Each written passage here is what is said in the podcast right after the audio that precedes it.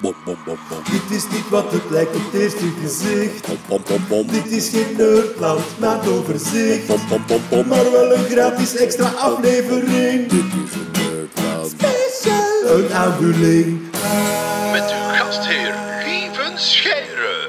Oh yeah. Eh, Welkom iedereen! Een goede avond iedereen. Eh, Wij zitten hier klaar voor een Nerdland special. hè. Het is geen maandoverzicht. Wij gaan het over een onderwerp hebben. En vandaag gaan wij biernerden. Eh, ja, er zijn, er zijn veel biernerds. Er zijn steeds meer biernerds. Mensen die thuis brouwen. We hebben op het Nerdland Festival hebben wij onze brewery corner, waar de, vooral de wetenschappelijke technische kant van het brouwen Wow. enzovoort besproken wordt. En eh, toch niet, Hetty. Dus er wordt ook geëxperimenteerd. Ja, ja, voilà. Ehm, eh, ja, en wij zitten vandaag in Brouwerij Sint-Bernardus. Helemaal in Wattou. Voorbij Poperingen, Poperinge. Tegen de Franse grens geplakt. En wij zijn hier te gast en hier gaan wij eh, bier nerden. En het is gewoon een live podcast en er is publiek bij. Hallo! Oei, oei, oei. Die zijn al aan het proeven, denk ik. Hé? Daar ziet het wel naar uit. Maar wie zit er hier allemaal bij mij? Maarten Wijn zit erbij. Welkom. Hetty Helsmoortel hier aanwezig. Dag lieven. Peter Bergs. Hallo. Els Aerts is Hallo. erbij. En Jeroen Baert. Hallo. Met Poncho ook. Poncho onder tafel. Ah ja, oké. Even een bange hond laten zien. Oké. Oh. Voilà. Hij heeft En- hier een klein nestje, hij is helemaal oké. Ah ja, voilà. En hij heeft alle stokjes die hem eh, beloofd zijn. En een klein kommeke Bernardus op 12 om hem, eh, om hem braaf Maar te hij, hij, houden. is, hij is Bob. Oké, ja goed. eh, We gaan dus kijken naar brouwerijprocessen, naar bier, een beetje naar geschiedenis, een paar weetjes, want af en toe zijn er al dingen gepasseerd in onze podcast. Maar we gaan het verantwoordelijk aanpakken.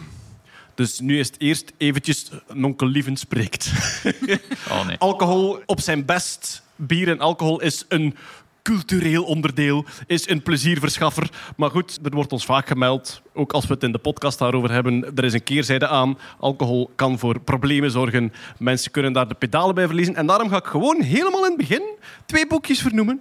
En dat zijn twee boekjes en ze hebben alle twee dezelfde ondertitel, gek genoeg. Voor wie niet wil stoppen met drinken.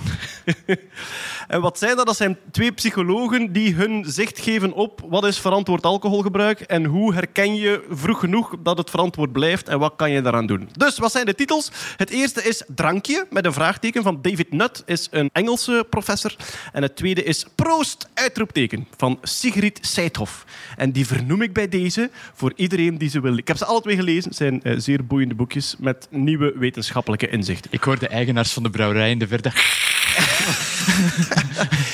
Ik denk dat die ook voor verantwoord gebruik zijn. Met ik. liefde gebrouwen drink Voilà. je met mate. Ja, zoiets. Ja, gebruik je ik. verstand en allemaal. Ja. En drink niet met je... Enfin, wacht, niet drink wel met verstand. Enfin, je weet wat ik bedoel. Dus, de twee boekjes zijn vernoemd. Dat is eh, van tafel Zuipen. En- nee, nee, helemaal niet. Maar goed, we gaan het dus hebben over brouwprocessen, alcoholgeschiedenis daarvan en bierbrouwen en misschien iets ruimer. En dan ga ik onmiddellijk naar mijn linkerzijde kijken, want we hebben eigenlijk de twee brouwende nerdlanders hebben wij hier aanwezig. Hè. Maarten, jij hebt uw eigen bier, genoemd naar uw achternaam. Wat is uw achternaam? Wijn. Was om het gemakkelijk te maken. dacht ik. Maar mijn moeder, haar rechternaam is Maas. Dus op onze brievenbus staat Wijn Maas. Hey, van mijn ouders. Maar dan is een spreekwoord voor u wijn na wijn. Wijn, Maas na wijn geeft plezier. Kunnen we het zelfs nog over hebben? Ah, dat is nog. Ja, het sorry, over hebben. Wacht hoor. Maas na wijn maakt het fijn. Het is altijd fijn. Wijn na Maas zorgt voor geraas. Ben je korte aas? Is dat niet zo'n soort van een, een, een, een joker? Korte aas? Korte naas, joker. Ik weet het niet, jong. Ik denk dat we Jeroen al kwijt zijn. Dus Ja, Eh, maar, maar eh, vo- vooral, hey, vooral begrip eh, hobbybrouwer. Ik ben een- Hobbybrouwer. Een, een keukenbrouwer in mijn keuken en ik werk met een brouwerij samen die dan een van mijn recepten op grotere schaal brouwt. voilà, als wijn. Ja, als wijn. Ja. W-E-Y-N, het Ja, wijnbier. Klopt. Ja, Ja, ze hebben dat hier zelfs als ergens gezet. Zoals, hè, hier. Toevallig. Allee, Mooi zeg. We zijn hier te gast in een brouwerij en we brengen ons eigen bier mee. Ja, voilà. We gaan dat, we gaan dat uitwisselen. We gaan. En op beide biertjes staat er een kaal mannetje op het etiket. ja, en deze met een eikenvat, want dat is geëikt en dat is gewoon. Ah, Oké. In eikenvaten. Ja, Oké. Peter, jij bent eigenlijk een, een ander soort brouwer. Je bent een stoker. Je zit een stoker. Een stoker, ja. Prachtig. Heeft Poetin al gebeld? Om een beetje te helpen stoken. Nee, Hè? nee, nog niet. Nee. Oké. Of, of Dracula. Bram Stoker. Nee, Oh, Ik merk dat het niveau hier niet canvas is. Oké, ik we pas zijn mij nog, aan. en we zijn pas nog mij niet eens aan. begonnen met drinken. Ik pas mij aan. Het is goed. Maar goed, laat ons daar misschien een keer mee beginnen. Het brouwproces zelf. Ik denk de wetenschappelijke kant, de basis is simpel, denk ik. Pas op, ik ga direct al fouten maken, dan mogen jullie die verbeteren. Hè. Gistcellen zetten suikers om in ethanol. Misschien even zeggen, Hetty heeft mij daarnet backstage gezegd dat ze niet weet hoe dat bier gemaakt wordt. En ik zei ja. van, ik weet dat eigenlijk ook niet. Alleen had jij al drie keer een brouwerij bezocht. Ja, ik heb al vaak een rondleiding gehad in een brouwerij, maar ah, dat- mm, nee, simpel, nee. Het- Ik, ik weet het niet Nee. en Hetty is traag. Dus we zouden het graag, eh, we zouden het graag uitgelegd zien. Ja. Het alcoholstukje is eigenlijk maar een, een- iets dat later gebeurt. Hè. Je begint met graan. En eigenlijk niet gewoon zomaar graan, meestal gerst. Gerst. En de reden dat we gerst gebruiken is omdat gerst, er zit nog een pelletje rond. Hè. En als je dat oogst, dan blijft dat pelletje er rond. En je hebt dat pelletje eigenlijk nodig om later te gaan filteren. Maar dat is eigenlijk een stap verder. Dus we gaan gerst gebruiken. Gerst is een soort graan. Ja, ja. Ah, het, pelletje is niet zozeer als voedingsstof, maar als een soort filterke. Er zitten Ja. ook wel wat aroma's en wat stoffen en Er zo is in. veel meer graan waar Ja. dat er pelletjes rond zitten, denk ik dan.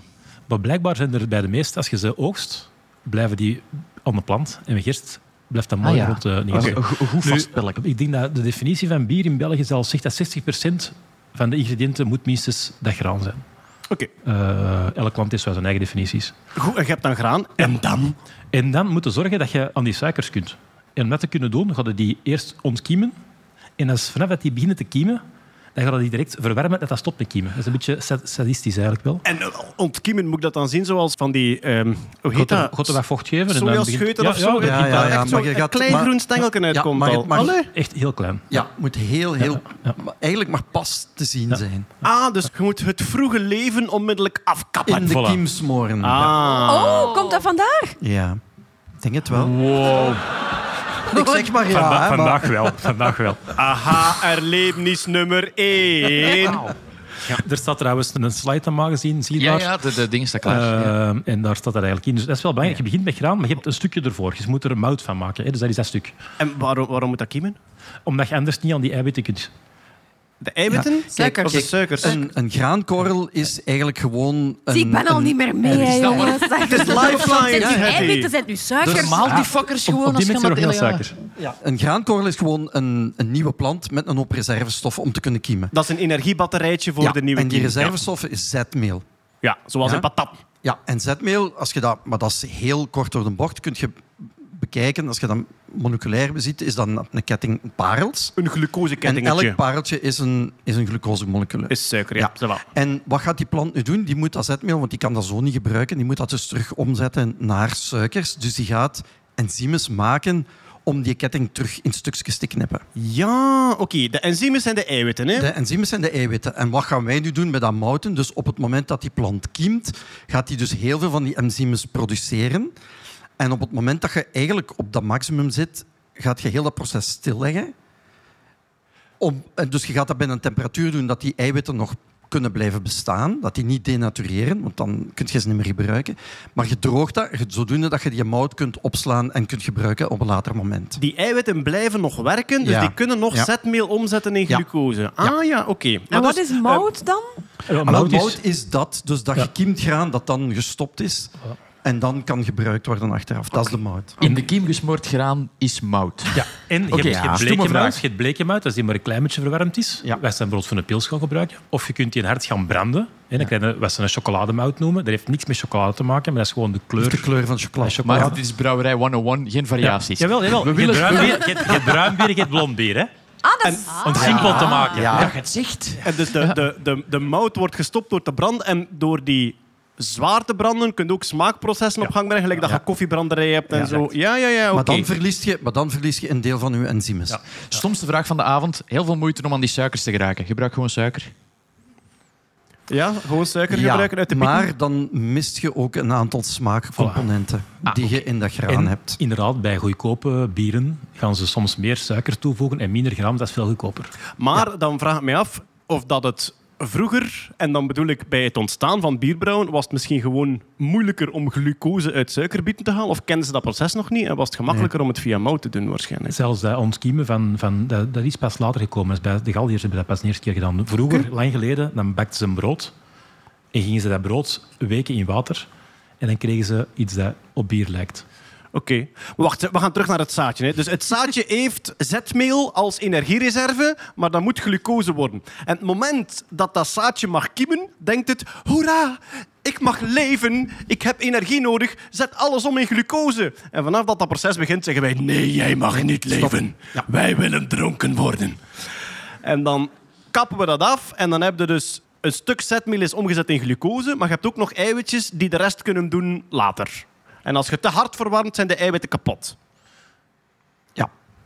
We gaan, we gaan het simpel houden. We gaan het simpel houden. We zeggen nu gewoon ja. Op een om het simpel te mondeling houden. examen was ik er net door. Ik zie, ik zie een hoop- op al uw een- examens, een hoop- mensen- in het publiek en het resultaat is wat telt. Oh, maar jullie weten al hoe het afloopt met dat pintje in uw hand. En, en vroeger gebeurde dat eigenlijk in de brouwerij, maar nu gebeurt dat in een mouterij. Dus je hebt Ja, een mouterij mouterij. die Oké. gespecialiseerd is in dit deel. Hè. En, En- is dat ook de, de geur die zo in Leuven hangt af en toe? Is dat Nee. een mouterij? Nee, nee, nee. Ah, nee, dat, is- dat, dat is zijn nog- gewoon Dat is de volgende stap. dat is Mark IJskes. Ehm, Dat is de volgende stap. we hebben mout. En nu? Nu gaan we dat bij warm water kappen. Warm water. En verschillende temperaturen, variërende van, van in in de 50 tot, eh, tot net, net geen 80. Afhankelijk van op welke temperatuur dat je dat gaat doen, gaan er andere processen gebeuren. Als je dat bijvoorbeeld op 65 graden gaat doen, dan gaan je die eiwitten en die zetmeel allemaal omzetten naar suikers die later door de gist om te zetten zijn in alcohol, dus vergistbare suikers. Doe je dat bijvoorbeeld op 72 graden, dan gaat je veel meer niet, dan gaat je langere suikerstructuren eh, creëren die veel moeilijker vergistbaar zijn. En ga je later een veel eh, voller, zoeter Ah, bier krijgen. was, Dus- dus alle suikers die je gist niet kunnen opfretten, dat blijft de zoetheid van het bier. ja. Ja, maar dat geeft ook een bepaald mondgevoel. Dan, Ja. dan wordt je bier beter. Dan proeft dat niet zo schraal aan. Oké. Als je dat op een lagere temperatuur doet, dus die rond die, je pakt nu 65 graden, ongeveer 62 graden, dan ga je veel droger bier krijgen. Oké. En dus je kunt combineren, de meeste recepten gaan combineren. En dus de combinatie van de tijd en de temperatuur gaat al een compleet ander bier geven. Ja. Dus als je thuis dat in een pot doet, wat jij vroeger deed, was een pot op een gasvuur met een thermometer, ja, dat is uiteraard elke keer anders. Dan ga je elke keer een iets ander bier krijgen. Ja. Dan probeer je uiteraard meer te gaan stabiliseren, dat je dat kunt herhalen bijvoorbeeld. Ja. En dat zorgt ook allemaal voor de verschillende smaken en daar probeer je een beetje op te richten. En dan noemen ze het. Meisje, meisje, Maïschen, wat? of beslag zetten, ja. Beslag zetten, hè? Beslag zetten. Wat, ga- wat gaat jij Trouwens, doen morgen? eh, Ik moet- ik kan niet komen, ik moet beslag zetten. Ja, ik kan dat zeggen, ja. Ja, voilà. Ja. Maar dat is ook het grote verschil met het stoken. Wij doen dat beslag zetten, maar op één temperatuur, dus rond de 65. Omdat wij niet geïnteresseerd zijn in die verschillende... Wij moeten dat mondgevoel niet hebben. Wij moeten eigenlijk gewoon alcohol hebben. Dat, dat is een titel van een autobiografie. Dat mondgevoel kan me gestolen worden. Ik heb een alcohol Ik nodig. heb die alcohol nodig, Limburg ja. samengevat. En, Ja. en, en trouwens, de Engelse, eels, de Engelse eels is ook gewoon op één temperatuur meestal. Dus die gaan ook gewoon op één temperatuur, simpel. Eels? Een, e- ja, een eel en een English. Een eel. eel, Ja, een oké. ja. Ça va. Eh, goed, eh, wel, ik, dus eh, de processen lopen nu nog gelijk, Peter. Ja, ja, ja. Dus alles Ja, wat jij nu vertelt, is eigenlijk voor de twee hetzelfde. dat is wat, ongeveer. wat, wat dat jij ook doet. En waar, bij- de volgende stap, splitsen ze al op of blijven jullie nog gelijk bij Genever en bij bier? Nee, de volgende stap gaan we al opsplitsen, hè, want dan gaan we filteren. Hè. Ah ja, want jij gaat ook in een hop toevoegen en zo. hè. Ik zou zelfs Nee, ik zeggen, filter het niet. ik zou zelfs zeggen dat je gaat hopsplitsen. Oh, ik heb hem, ik heb hem niet bij. Ik heb een applaus, Jeroen. Ik heb een applaus. Ja. Dat is hoppelijk het, hoppelijk het laatste applaus. nee, nee, nee, nee, nee, nee, nee. Ik wil het niet. Nee. Het was luider. Oh. Ja, volgende stap. We hebben mout in warm water Ja, gegooid. dus een brei. En voilà, we hebben mout in warm water gegooid. En de temperatuur en de tijd dat we dat laten, laten beslag leggen... Voilà, dat, dat bepaalt dan welk soort recept beslag zetten. En, Ja. en dan willen we daar uit die brei willen we bier halen. Wort heet dat dan op dit moment nog. Dus we gaan dat filteren. Wort. Wort. Maar stop, stop met al die tussenstappen waar? na. En dan vinden mensen raar dat ik met DT problemen heb. Wort in ieder geval met een T. Hè. Wort. Gewoon T, zonder D. Dus vooral een brei is wort. Ja, nee, dat gaan we eruit halen. Nee, nu dus je hebt een ja. brei. Nee, nee, ja, je brei. wordt. Nu heb je wort, beslag. de, de, de, de, de maïs wordt wordt. Ja, het, De brei wordt... Ja. wordt wortel. De, Ik heb- ik de voel een mout nieuwe- wordt maïs en de brei er al geworteld uit. Ja, dus wat je dan eigenlijk doet, je hebt, je hebt, je hebt, ik heb eruit gezegd dat je die, die, eh, die pelletjes van, die, eh, van dat granen hebt. Ja.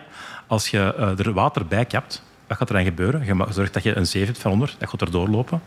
Die pelletjes die gaan zich van onder zetten, dat gaat eigenlijk een filter worden. En dan gaat een paar keer dat er door laten kappen. Oké. En je gaat eigenlijk, je vaste stof blijft zitten. En eruit uiteindelijk ga je een redelijk, nog niet klaar, maar de, eh, de harde stoffen gaan eruit. En dat is wort. Oké.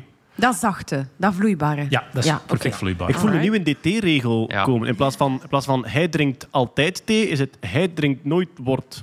Nee, wacht ze. Maar je kunt je Ehm, wort drinken, dan krijg je een heel suikerachtig, eh, alcoholvrij raar drankje. Aha. Is dat, is dat eh, wat ze verkopen als malt in Scandinavië? Geen In Scandi- flauw idee. In Scandinavië, ah, misschien moeten we het eens opzoeken. In Scandinavië kun je dus eh eelsmalt kopen. Een eelsmalt, dat is een, een heel zoete soort pre-bier limonade. En daar zit, ik denk, 0,3% in, zoals een soort reststofje. En dat is geweldig populair. En ze mengen dat daar met sinaasappellimonade. Effectief. De traditionele kerstdrank, de traditionele kerstdrank in IJsland is sinaasappellimonade gemengd met eelsmalt. Half-half. En veel toeristen willen dat dan eens proberen en die drinken dat dan in de zomer en dan worden echt aangekeken gelijk dat je knettergek bent. Omdat dat echt zo typisch de kerstdrank Gelijk is. dat wij glühwein in de zomer zouden drinken. Effectief, ja. ja, Dat ja. klinkt heel hard als de nachtwinkel had enkel dit nog. Of Ik ben gestruikeld, ik heb het samengeveegd. Hier Zie, zo. zie dat je Scandinavië, en ik weet dat dat niet hetzelfde is, maar zit ik in mijn kop met IJsland, ben er recentelijk geweest en jij weet dat er in IJsland geen bomen zijn. Ja. Dus stel dat je daar iets wilt, als je daar eh, mout wilt maken en je wilt iets branden, dan branden ze dat op. De vulkaan. Nee, Dooie schapen. op schaken, schapenkak. Ah ja, oké. Dus de whisky en de mout die daar gemaakt is, die is op eh schapenkak gebrand. Oké. Je proeft dat niet. Ehm, Ver- verder in het proces, pas op, je hebt nog twee tussenproducten dat je een naam mocht geven. Dan is het gedaan. Malt Eh, wordt- Ja, dat komt goed. mout Oké. wordt wort. Ja, dus hebben we wort. Graan wordt mout. Mout wordt wort. Ja. Wort wordt dubbel wordt wordt. En de boom staat op de Eh. berg. Ali. Nee, sorry. Ja. Eh, heel jong bier. Nee, wat je dan gaat doen, is dan, dan kun je er eh, een aantal dingen gaan toevoegen. Dan ga je koken. En dat koken is eigenlijk sinds dat ze hop gebruiken, dat doen ze sinds ongeveer 800 tot 1300 na Christus, gebruiken ze hop. En hop geeft een bitterheid, geeft een smaak. En dan gaan ze op verschillende momenten, eh, bijvoorbeeld na 10 minuten, na 20 minuten en zo verder, gaan ze in het totaalproces van ongeveer een uurtje gaan ze alles beginnen koken en ze voegen hop toe op verschillende momenten. Hop is een. Hop. plant. Hop is een plant. Ja. Die je ongetwijfeld hebt... eh, nee, dat is niet waar. Je hebt de velden nog gezien, Ja. Ja. eh, maar de er niet meer. Hey, je zit nog wel de grond, maar niet meer de... En wij hebben een paar Nerdland safaris gedaan, Peter. Eh, Dat zijn eigenlijk gewoon eh, wandelingen die meestal vertrekken uit een eh, stadscentrum of een dorpscentrum. We maken dan een wandeling en Peter zoekt dan eh, ja, markante plantjes en diertjes die we onderweg tegenkomen. Daar hangt dan een QR-code. Als je die filmt, dan kun je ons twee zien staan op diezelfde plek waar dat Peter iets raar krioelend uit de grond delft en daar heel enthousiast over wordt. andere. Voilà. Eh, We hebben, wa- waar hebben we erover gedaan? In Strombeek, Overijse, Wevelgem, Lille, Ja. Geel. Er zijn er heel wat. maar op verschillende daarvan zijn wij wilde hop tegengekomen. Ja. Ik dacht dat dat een soort plant was die ja, door, door de, de bierbrouwers dan gecultiveerd wat ook zo is. Maar dat groeit dus ook wild in Ja, onze ja, ja, natuur. absoluut. En Ja. kunnen die wilde hop ook gebruiken om Ja. bier mee te maken? Ja, maar of die altijd even goede smaak heeft, dat is Nee, niet dat is zo. ook heel moeilijk. Het probleem, wat ik juist al zei, als je bier wilt maken of je wilt een recept maken dat je kunt herhalen, dan probeer je zoveel mogelijk producten, eh, je, je, al je ingrediënten ook ja, Te standaardiseren. Hè? Ja, heel En dat moeilijk. kun je met wilde hop Eh, ik, bijvoorbeeld in mijn bier had ik eerst een Amerikaanse eh, hop, de Whitbread Golding, een hop die niet veel gebruikt werd. Het gevolg is, ze maken die niet meer. Dus nu heb ik een andere hop moeten gaan zoeken en die heel eh, dicht aanleunt bij hetgeen ik ervoor had. Bijvoorbeeld. En wat Maar je hebt, je van die je hop? hebt eh, Ja. de, de hop nog niet opgegeven. Nee, Sorry. je kunt ook gaan droog hoppen. Die schuif is opengetrokken, nu gaat ze niet meer toe. Hey, goeie vraag. Je, Dank u, gebruikt dank u. de vrouwelijke hopbloemetjes. De bloemetjes. Ja, de bloemetjes. Dus dat zijn zo van die... Groene Ja, dat zien er zo dennenappelachtige structuurtjes uit als die, als die volgroeid zijn. Toch een keer een foto van een hopbel Ja. eh, Een zoeken. Je herkent het Ja, wel. ja, zo. dat zijn die groene dingetjes die je daar... Komt chef. Ja, ze, ze stonden erop trouwens. Ja, het wordt, Ja, vaak, het wordt vaak getoond. Er staat vaak ook in bierlogo's een, een Ja. hopbel. Eh, het is heel bitter. Ja, wel, het heeft eigenlijk, hop heeft twee, twee doelen. Je hebt bitterhop, die voor de bitterheid gaan zorgen en ook voor het bewaren. En je hebt een, een, een juist. aromahop. Je hebt een hop die gaat zorgen voor een bepaalde aroma's.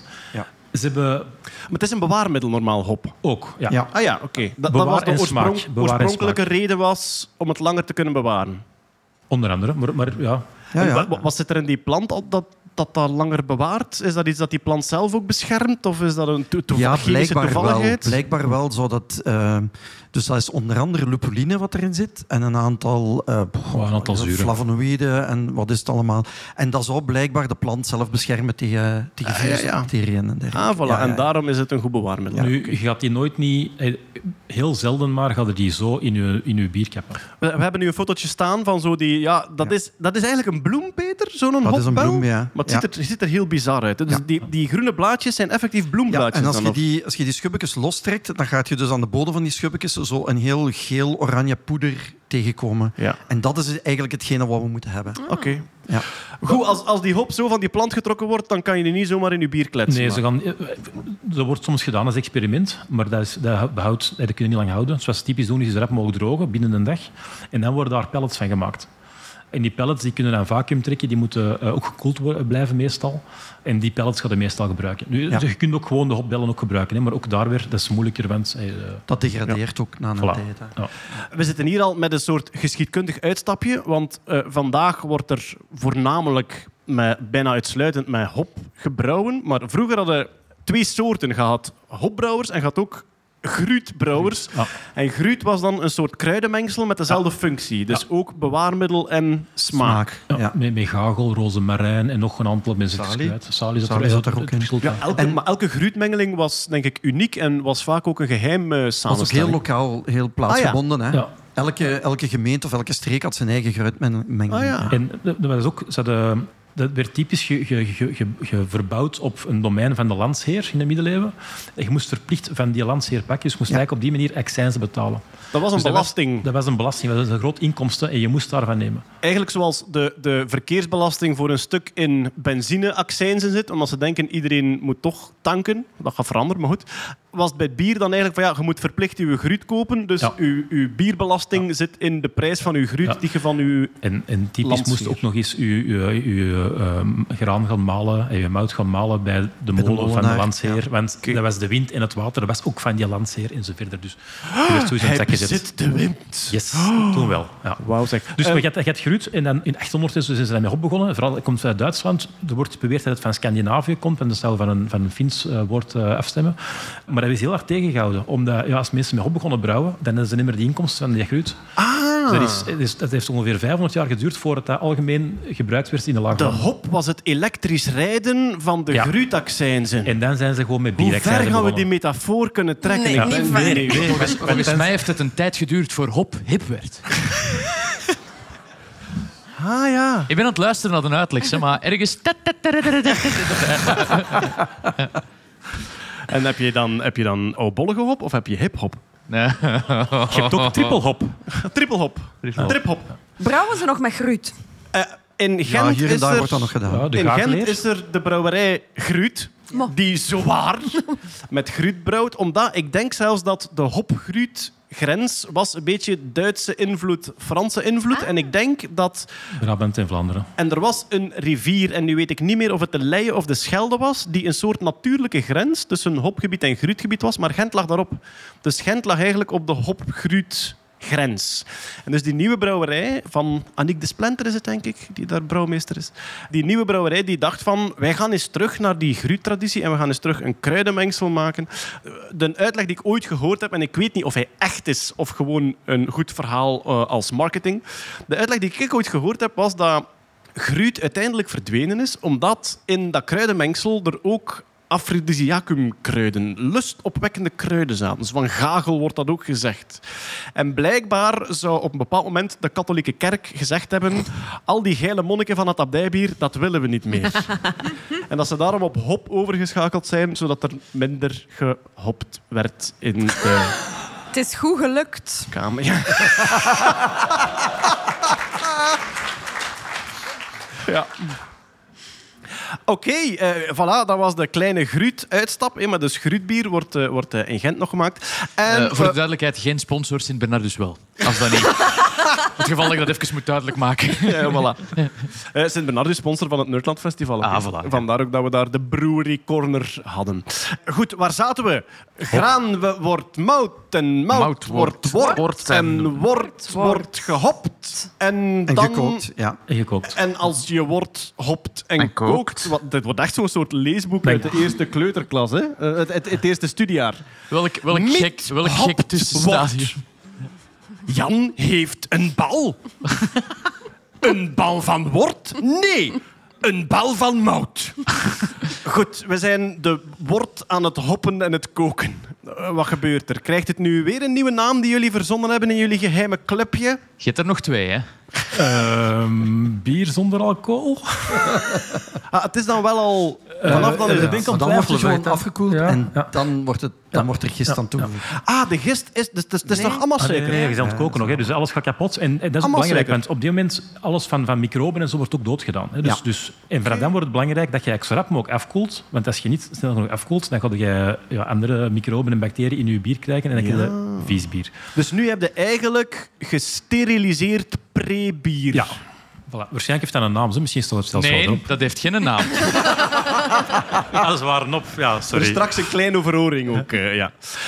en, eh, wacht hoor, want nu moet ik even naar Peter. Die hop kan u niet schelen, dus jij hebt Wij de stoppen, wij stoppen na het beslag zetten. Dus filteren niet en dan koken niet. Dus dat doen wij allemaal niet. Wij gaan gewoon dat beslag wat wij hebben gemaakt direct eh, vergisten. Direct gist erbij Ja. en laat de gist maar Afkoelen doen. natuurlijk wel eerst, hè, maar Oké. Maarten, bij de bierbrouwers, je hebt er gist aan toegevoegd. Is het dan gewoon wachten of moet je nog van alles Ik wil doen? erop antwoorden als je even eerst je opener doorgeeft. Als ik wat, eh, wat doorgeef, ja, de- dat is een goed idee. Hier, zie ik een al die mensen drinken en hier is ook gewoon. Een brouwer en ik kan zijn flesje niet open doen zonder kroontjes wippen. We hebben die op erbij gedaan. Je kunt ook nog kruiden bij doen als je wilt en zo verder. Dat gebeurt daar ook nog. Hè. Eh, dan gaan we dat zo snel mogelijk afkoelen. We gaan ook proberen om zoveel mogelijk van de, de zinksel dat er nog in het bier zit, van je hop bijvoorbeeld, om dat eruit te halen. Door, je kunt dat cent- centrifugeren, je kunt dat op verschillende manieren doen. En dan ga je gist toevoegen. Je eigenlijk twee soorten gisten. Je hebt een, een bovengist, dat is gist die bovenaan komt drijven, of je hebt een ondergist. Voelt hij zich beter dan de rest? Eh, dat weet ik niet. De ene, het ene geeft eigenlijk een gewone, een standaard bier, Ja. alle variëteiten. En daar geeft eigenlijk een, een lager, hè, vandaar ook de naam. Of pils. De bovengist zal zich beter voelen dan de lager, hè? Ja. denkt u niet? De bovengist heeft het warmer en, en, en war- meer warmte nodig. En de, koude, de, de ondergist heeft het koud. nodig. Oké. En lager komt dan ook echt van Ja. de lagere gist? Ja. Allee zeg. Amai. Is, Etymologische aha-erlevenis nummer twee. is ooit ontdekt door gewoon toevallig bier in een koude plaats lang te laten staan. Allee, Ja. oké. Eh, en dan is dat later eh, in pilsen is het dan pils geworden en zo verder. En zo Ja. verder. Wacht, maar gist, je gaat er hier zo snel over. Dat is... nee, je hebt je hebt gewoon gist erbij 100.000 gedaan, hè? Je hebt 100.000 mogelijkheden Ja, ja, ja. Je, gist, je, hè, hebt- je toch? hebt heel veel gisten. Ja. En, en ze zijn daar nog, en dat is heel tof, ze zijn nu veel meer aan het kijken naar, naar gisten in de natuur die ze nog kunnen gaan gebruiken. En eh, je hebt eigenlijk twee standaard... eh, Je hebt, je, hebt, je hebt twee grote groepen, eh, die een boven- en ondergist. Dan hebben we ook nog de natuurlijke gisten, die bijvoorbeeld uh, lambiekbier gaan... gaan eh, en waarschijnlijk vroeger de meest gebruikte gisten. Want eh, vorige keer in de podcast hadden jullie het over het eh, brouwen van geuzen. Maar geuzen wordt Ja, niet nee, gebrouwen. Dat is waar. Aha, ja, ja, maar dat is, ja, ja, ja. Wat zeldzaam dat we een, een feedbackmail op het podium krijgen. Deze is, is awkward. Eh, Maarten, bedankt voor je feedback. Dat je dan een foto, of is dat niet meer? Dat je foto's terugstuurt mee. Heb jij, heb jij een mapje Well Actually in uw mailbox? Mag ik, mag ik de flessen dings, dings De kroontjeswipper. Jezus, Bijna pontje wat een geraakt. moordaanslag op Poncho. Zal het een beetje gaan? Het die is zat. Het is oké, Poncho. De kroontjeswipper, vroeger trouwens de bijnaam van de moeder van Delphine Boel. Maar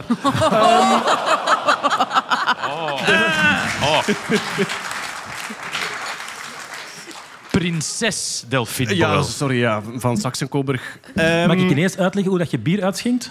Hoe dat je- Ja, maar zeker. Ik Maar voel, ik, voel, ik voel me aangevallen. Is dat, is dat zo slecht? Ik ben eigenlijk al te ver. Yo! Maar als je bier uitschenkt, moet je dat doen zonder dat je dat laat klokken. Ja? Als je dat rustig doet, dan blijft de gist onderaan. Ja? En dan kun je dus nu drinken van een bier zonder gist. Dan drinkt je er een paar keer van. En daarna kap je de rest erbij. Die gist gaat een andere smaak geven. En dan heb je twee verschillende smaken van hetzelfde bier. Ja? Voilà. Trouwens, levende organismen, hè, die daarin zitten. Hè, Gist, eigenlijk een schimmel. Hè. Ik, ik denk dat dat een van de... Maar het zou kunnen dat ik er compleet naast slazen. Maar ik denk dat dat een van de redenen is waarom dat bier in de islam niet gedronken mag worden. Omdat er levende organismen in zitten. Denk ik. Denk aan de mailbox.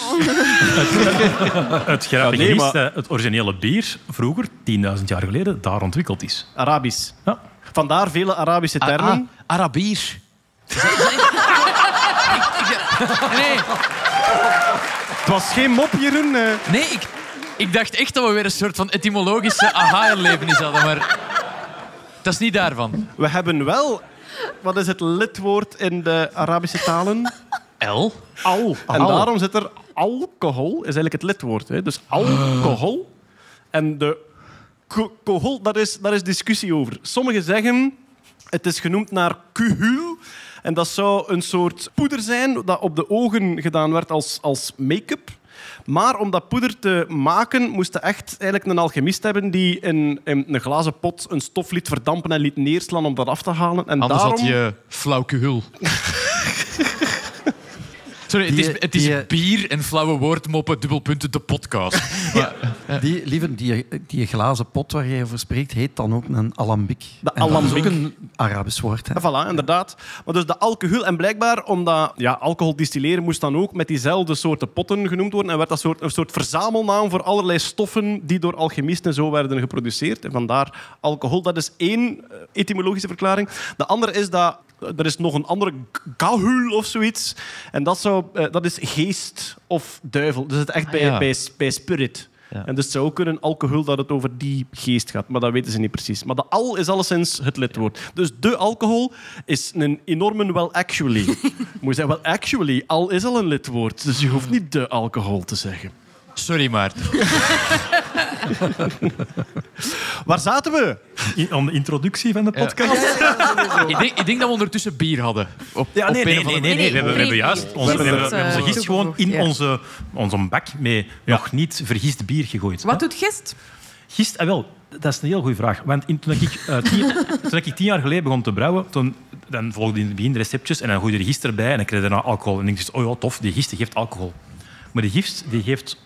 Die gaat onder andere die suikers vergisten en zo verder naar alcohol en CO2. Maar die gaat vooral ook heel veel smaak geven. En elke gistsoort gaat een andere smaak geven. En zo kun je een die, die, die, die, die bijvoorbeeld bananen gaat geven, of die, een, ja, die andere die veel fruitiger gaat zijn. En zo verder. Banaan wordt veel vernoemd bij zo biersmaken. Terwijl ik haal dat er niet uit. En ik ken er wel waarschijnlijk, maar ik, ik drink zelden een biertje dat ik zeg van hm, lekker bananig. Nee, maar dat gaat in de neus dat soms een beetje hebben. Wie steekt er niet een banaan in zijn neus, man? Dat, daar moet je toch echt al goed zat voor zijn, denk ik. Hè? Zit de banaan in je Ook oor. eigenlijk hoe dat je trouwens bier proeft. Door je neus of wat? Je, je riekt eerst. Ah ja. Ja. En wat ze bijvoorbeeld bij, bij, eh, bij biercontesten en zo doen, is ze gaan de uitschenken, soms, niet, niet allemaal. Dan gaan ze die direct afdekken. Dan gaan ze er mee, beetje mee, bewegen, dat je die aroma's meer hebt. Walsen. Dan de, walsen, hebben ze het woord dat ik zocht. Walsen met een banaan in je neus. Het moet niet En gekker dan ga je worden. rieken, en dan ga je proeven, en dan ga je drie keer eigenlijk rieken, proeven, drie keer proeven. En je gaat eigenlijk, je smaak gaat, gaat veranderen. Ah ja. Oké. Ja. Maar dan moet je wel je kunnen bedwingen. Hè, om niet gewoon... Ça va. Maar dus de gist is erbij gegooid. En dan wachten we. Die begint te gisten. Ja, dus, op een bepaalde en temperatuur. die gaat dan effectief glucosecus... Ah ja. ehm, Jeroen, Jeroen is aan het walsen. En aan het ruiken en aan het proeven. Dat is drie keer hetzelfde. En wat heb jij? Maar ik geloof het. Je hebt ook een AP 12? Of, eh? Ik weet niet wat ik heb. Ik heb een bruin flesje met een 12. kale mens Ja. op. Dat kan een wijn zijn ook. Ja. Ja. Dus walsen tot je een banaan in je neus hebt. Ja, voilà. Jullie hebben het er de vorige keer ook over gehad, denk ik. Hè? Over ehm, als je dus dat laat vergisten. Vroeger was zijn open tanken. En dan sinds de jaren 70 en zo verder zijn ze dan er van iconische tanken gaan doen. Maar de gisten waaiden er vroeger in vanuit de natuur? Of, werden, of wordt er bij die lambiek ook al gist bijgegooid? Nee, dus bij, ja, ze gaan eigenlijk vroeger. Ga je eigenlijk gewoon in je houten ton bijvoorbeeld, ga gewoon opnieuw de, eh, bier doen. En er zit nog allemaal, die cultuur zit er verder in. en je gaat eigenlijk de gisten blijven erin. bezembrood. Je neemt eigenlijk je, cultuur mee van de vorige. Want ze, ze wisten wel dat er iets als vergisting was. Hè. Het is, maar het is pas Pasteur, eind jaren 1800, die heeft uitgelegd waarom, wat dat vergisting nu juist doet. Ah ja. Biologisch, microbiologisch. En waarom het belangrijk is om eigenlijk een gist te hebben die eh, puur genoeg is om geen infecties te creëren. Het is ook, het is ook frappant hoeveel smaken in onze keuken er met fermentatie te maken Ja. hebben. Hè? Hoe, hoeveel, hoeveel dingen die wij lekker vinden, die eigenlijk een soort ja, fermentatieproces zijn. Bij kazen en bij van alles. Trouwens, om terug over die banaan te beginnen, die fermenteert ook. Hè. In een gewone banaan zit 0,2% alcohol. In een bruine banaan zit 0,4% alcohol. Echt? Ja. Allah, jong. En ze zijn radioactief, banaan. Ook al. Dat is waar. Ze zijn Ja. een, een van de meest radioactieve vruchten. Allemaal binnen de veiligheids... Maar het is door het kalium, denk ik, in een banaan. Ik denk het, ja. Ja, ik denk dat kalium heeft zo'n instabiel isotoop. Eh XKCD, eh, onze goede vriend, waar wij een podcast Ja, mee opgenomen hebben. Hey. Ra- Randall, Randy zeggen wij. Randall, Ehm, ja. Die heeft ooit een grafiek gemaakt waarin dat hij verschillende soorten radioactiviteit uitgelegd heeft in aantal bananen. Ja. Bij Tsjernobyl zijn dat veel bananen.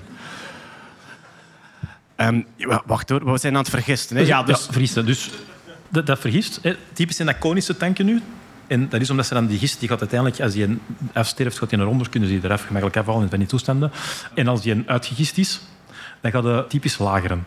Dan gaat eerst even die op koude temperatuur zetten in je bier, om te zorgen dat alle vaste deeltjes naar de bodem gaan zinken.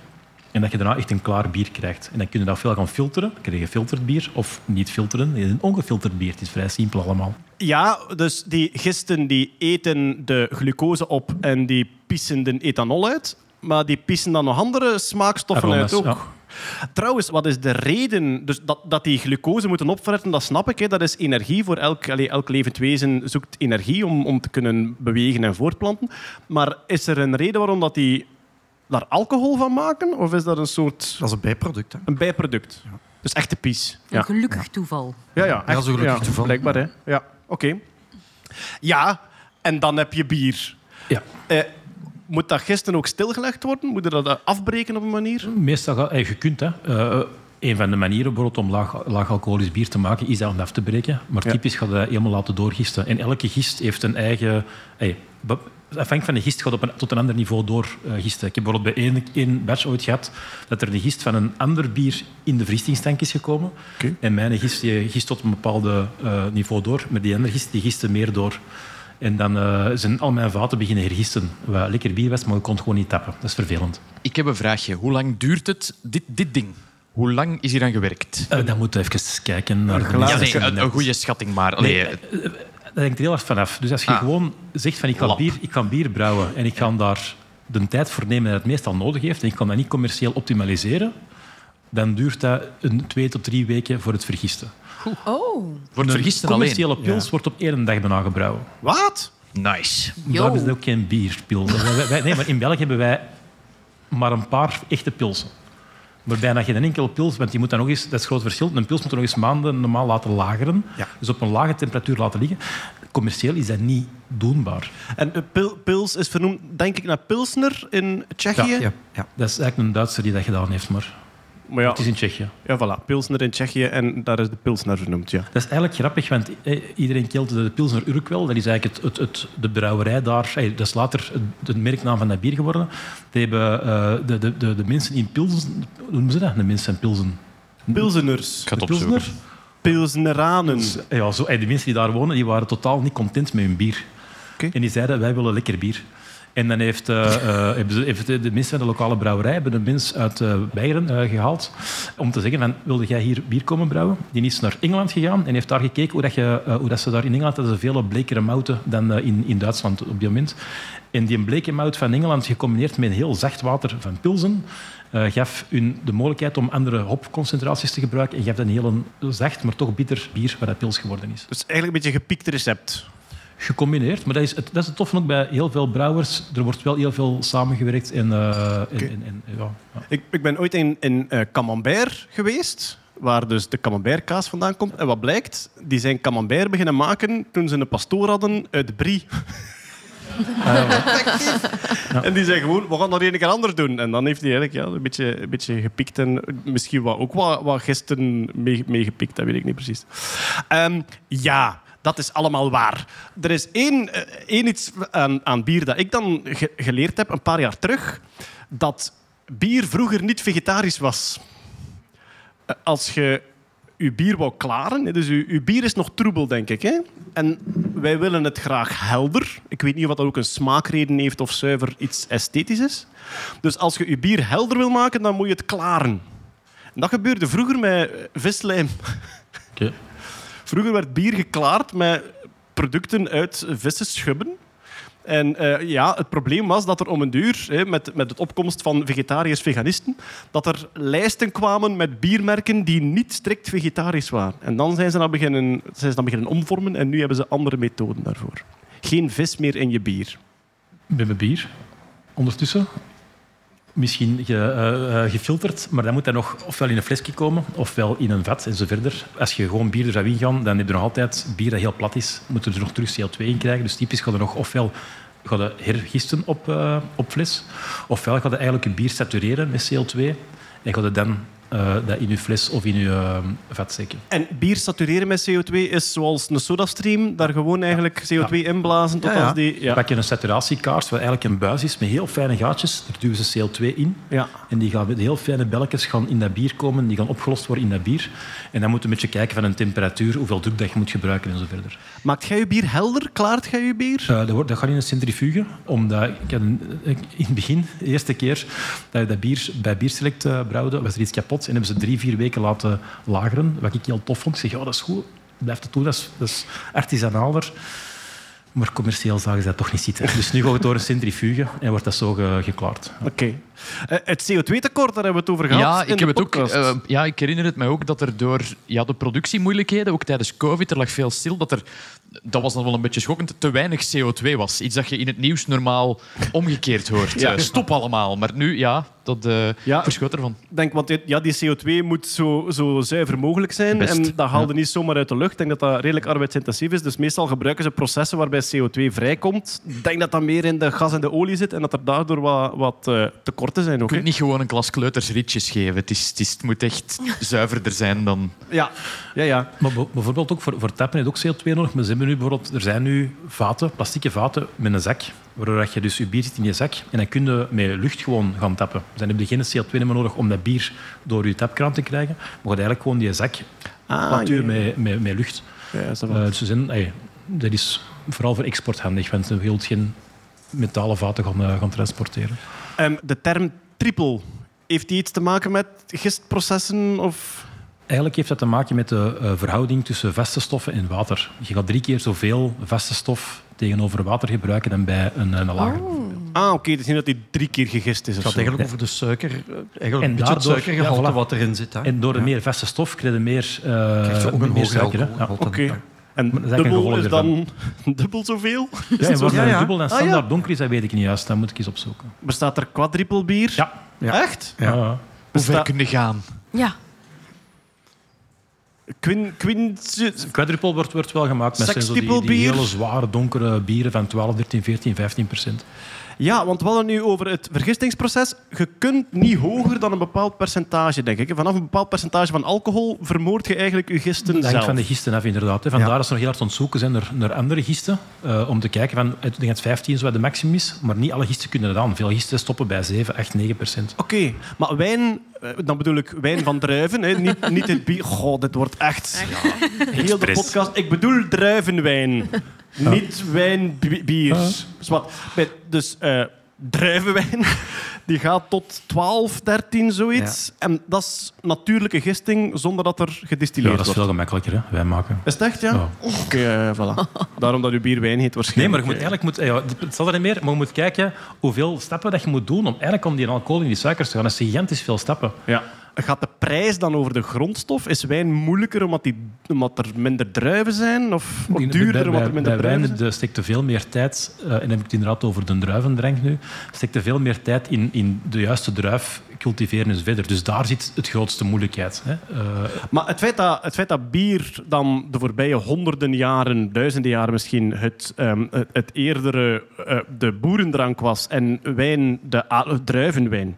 De adeldrank heeft toch iets met prijs te maken of met, eh, met ar- arbeidsintensief? Want gezegd, het is veel moeilijker om bier te brouwen. Ja, dan zou je niet verwachten dat dat typisch eh, de, het, het arme mensendrank eh, is. nee, ik denk dat graan is gewoon veel meer gemakkelijker om overal te gaan, gaan Oh, voilà. maken. Hè. Trouwens, eh, we hebben een nieuwe etymologische aha-erlevenis over eh, bier en wijn en adel en boerenstand. Peter, wat het bier na wijn geeft venijn. Dat was Ah, het toch, hè, wat je bedoelde? Hè? Ja. Inderdaad, de bekende spreuk: wijn na bier geeft plezier, bier na wijn geeft venijn. Mensen denken dat dat gaat over op een avond mogen niet overschakelen Ah, van ja? Van het thema. eerst wijn, naar- maar dat is niet. Dat heeft er niks mee te maken. Het is zuiver geschiedkundig. ik dat? Ik weet niet hoe lang fout aan het doen dan. Ah, dus Met jij dacht, status en met geld te maken. Hè? Ah ja, dus jij dacht, ik, heb- ik ga beginnen met biertjes en dan Maar ik doe wijntjes dat nog altijd. Is het echt? Maar ja. Zit nu aan het water en tegen straks is dat... Het heeft met status te maken. Dus vroeger, allez, ik zeg arme mensen drank, klopt niet helemaal. Eh, water was voor arme mensen. Vanaf dat je arbeiderklasse waart, ehm, dronk de bier. En als je dan adelklasse waart, eh, groot grondbezitter, dan dronk je wijn. Maar als je daalt in status, dus je bent een familie die eigenlijk tot de hogere klasse behoort en je zakt af in status tot de middenklasse, dan ga je van wijn naar bier. Bier naar wijn geeft venijn, want je bent status verloren. Maar als je kunt opwerken van middenklasse naar hogere klasse, van bier drinken naar wijn drinken, wijn naar bier geeft plezier. Dus het is een uitdrukking over eh, statusverlies of statuswinst. Verzin, Elkaar verzint, drinken. Bon. Verzint niet iedereen altijd gewoon een rijmke dat klopt met wat dat hem die avond aan het doen is. Zo, ah ja, whisky na Genever is goed voor uw leven. Hey. Ah ja, dat klinkt goed, inderdaad. Ja. Het grappige is, in het Engels is het Hoe dat? De Engelse uit- uitdrukking is omgekeerd. Oeh, en wat zeggen ze dan? Ja, het omgekeerde. Ja, dus dan klopt dat Wacht niet, hoor. hè? Ze zeggen het omgekeerde, dus zij zeggen... Hij is nup, hij is hij is Ze staan op hun kop. Nee. Eh, dus after daar wa- zeggen ze bier na wijn is eh, het omgekeerde. Dus, Beer eh, after wine is fine. Ja, voilà, zoiets in die stijl. Ja, dus dan klopt uw uitleg niet, hè, lieve? Inderdaad. Maar waarom zeggen ze dat in Engeland? Ja, Ja, ik, joh. ik, ik- ik ben het gaan opzoeken. Ondertussen heb ik ook onder- onderzocht dat er dus een unief is geweest. En die hebben twintig mensen gevraagd, tien mannen, tien vrouwen. En die hebben die eerst allemaal eh, vijf pinten gegeven en dan twee glazen wijn. Eh, en twee weken later hebben ze dit omgekeerd laten drinken. Ze hebben dan zo in een scorekaart van 0 tot 43, vraag me niet waarom 43, laten aanduiden eh, hoe hard er in de kater was. En het was hetzelfde. was er was geen significant verschil. Ah, voilà. Het, het, het, het- de kater is hetzelfde. Ons bier is nu af, maar we zijn daarnet eh afgesplitst. hè. We hebben een hopsplitsing gemaakt van het bier en de Genever. Jij hebt, eh, ehm, jij hebt de wort. Gewoon vergist. Dus jij hebt de wort en daar heb jij gist bij gegooid. Ja. Tot als die alcohol bent te maken. Maar, wat hebben we net geleerd? Je geraakt niet hoger dan 12, 15 procent. Ja. Hoe, hoog, hoe hoog vergist jij uw wort? Eh, dat is een heel persoonlijke vraag. Maar hoe Hoe, ver- hoe verzorgd jij uw woord? Welke, welk regime heb je om hem te verzorgen? hè? Hoe alcoholisch wij- wordt gaan-? Lieve, opgelet met eh, persoonlijke vragen. Ja, voilà.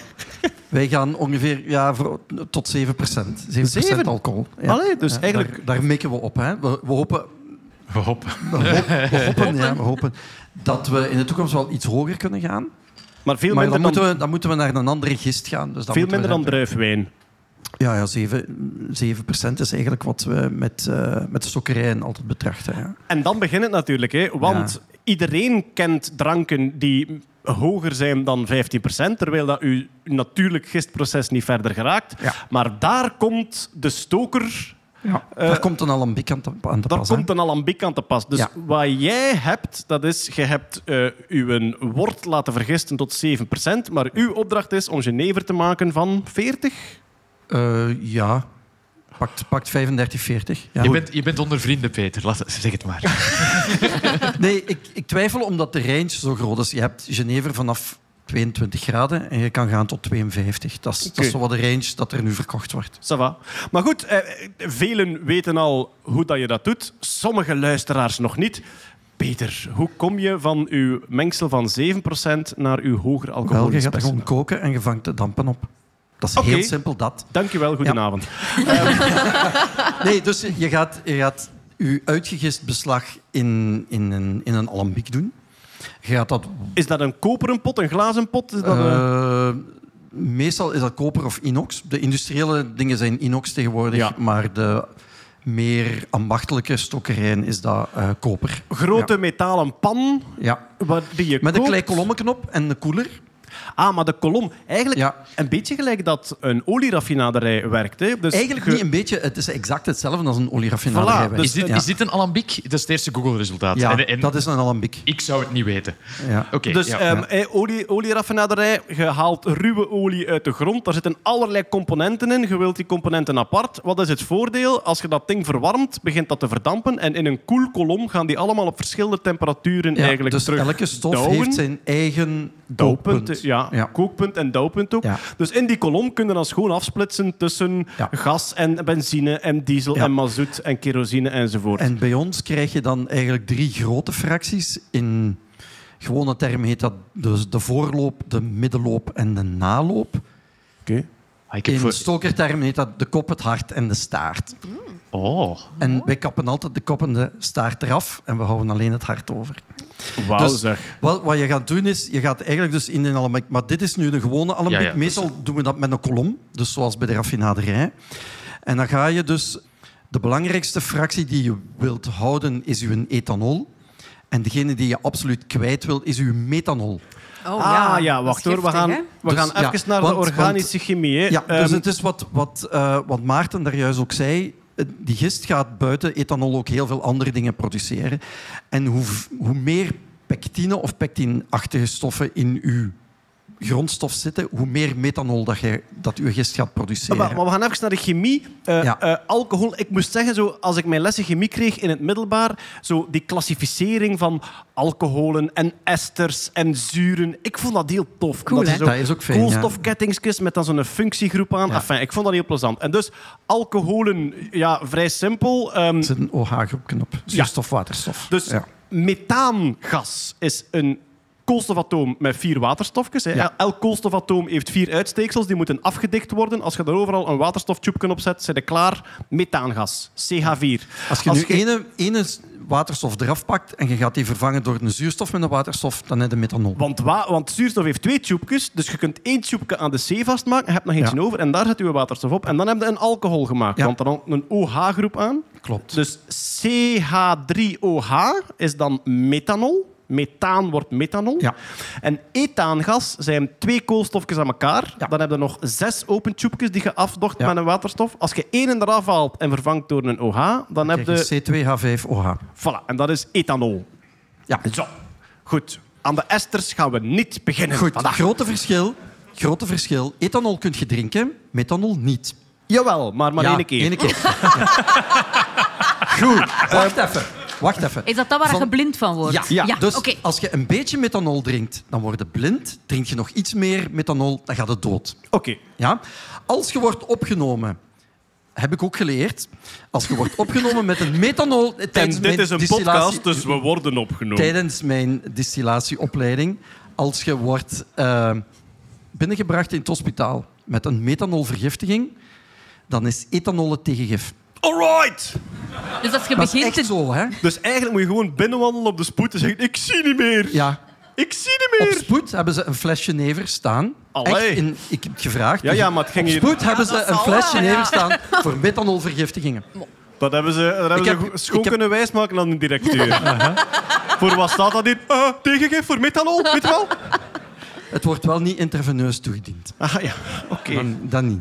Maar ze, ze geven het echt te drinken Ja, ze dan. geven- Maar ze geeft waarom? u- ze Omdat geeft- dat dat verdrinkt dan, die methanol. Ik, ik ken het principe niet. Waarschijnlijk zal het zoiets zijn. Ja. Zie je niet meer, maar je vindt het zo erg niet. Peter, is, is dat zo'n distillatiekolom? De linkse, ja. De linkse, hè? Maar ik heb, ik heb... Geen zorgen, ik heb uw kop erbij ook. Beter. Beter, hè? Ja. Ah, wel, maar we waren daarnet be bezig over een, een koperen pan. Maar het belangrijke is dat die boven dicht is, want je wilt niet dat er iets wegvliegt. Het zijn eigenlijk uw ja, stoffen ja, ja. die Dus gas al die worden, die je dampen, moet al die dampen gaat je opvangen. Ja.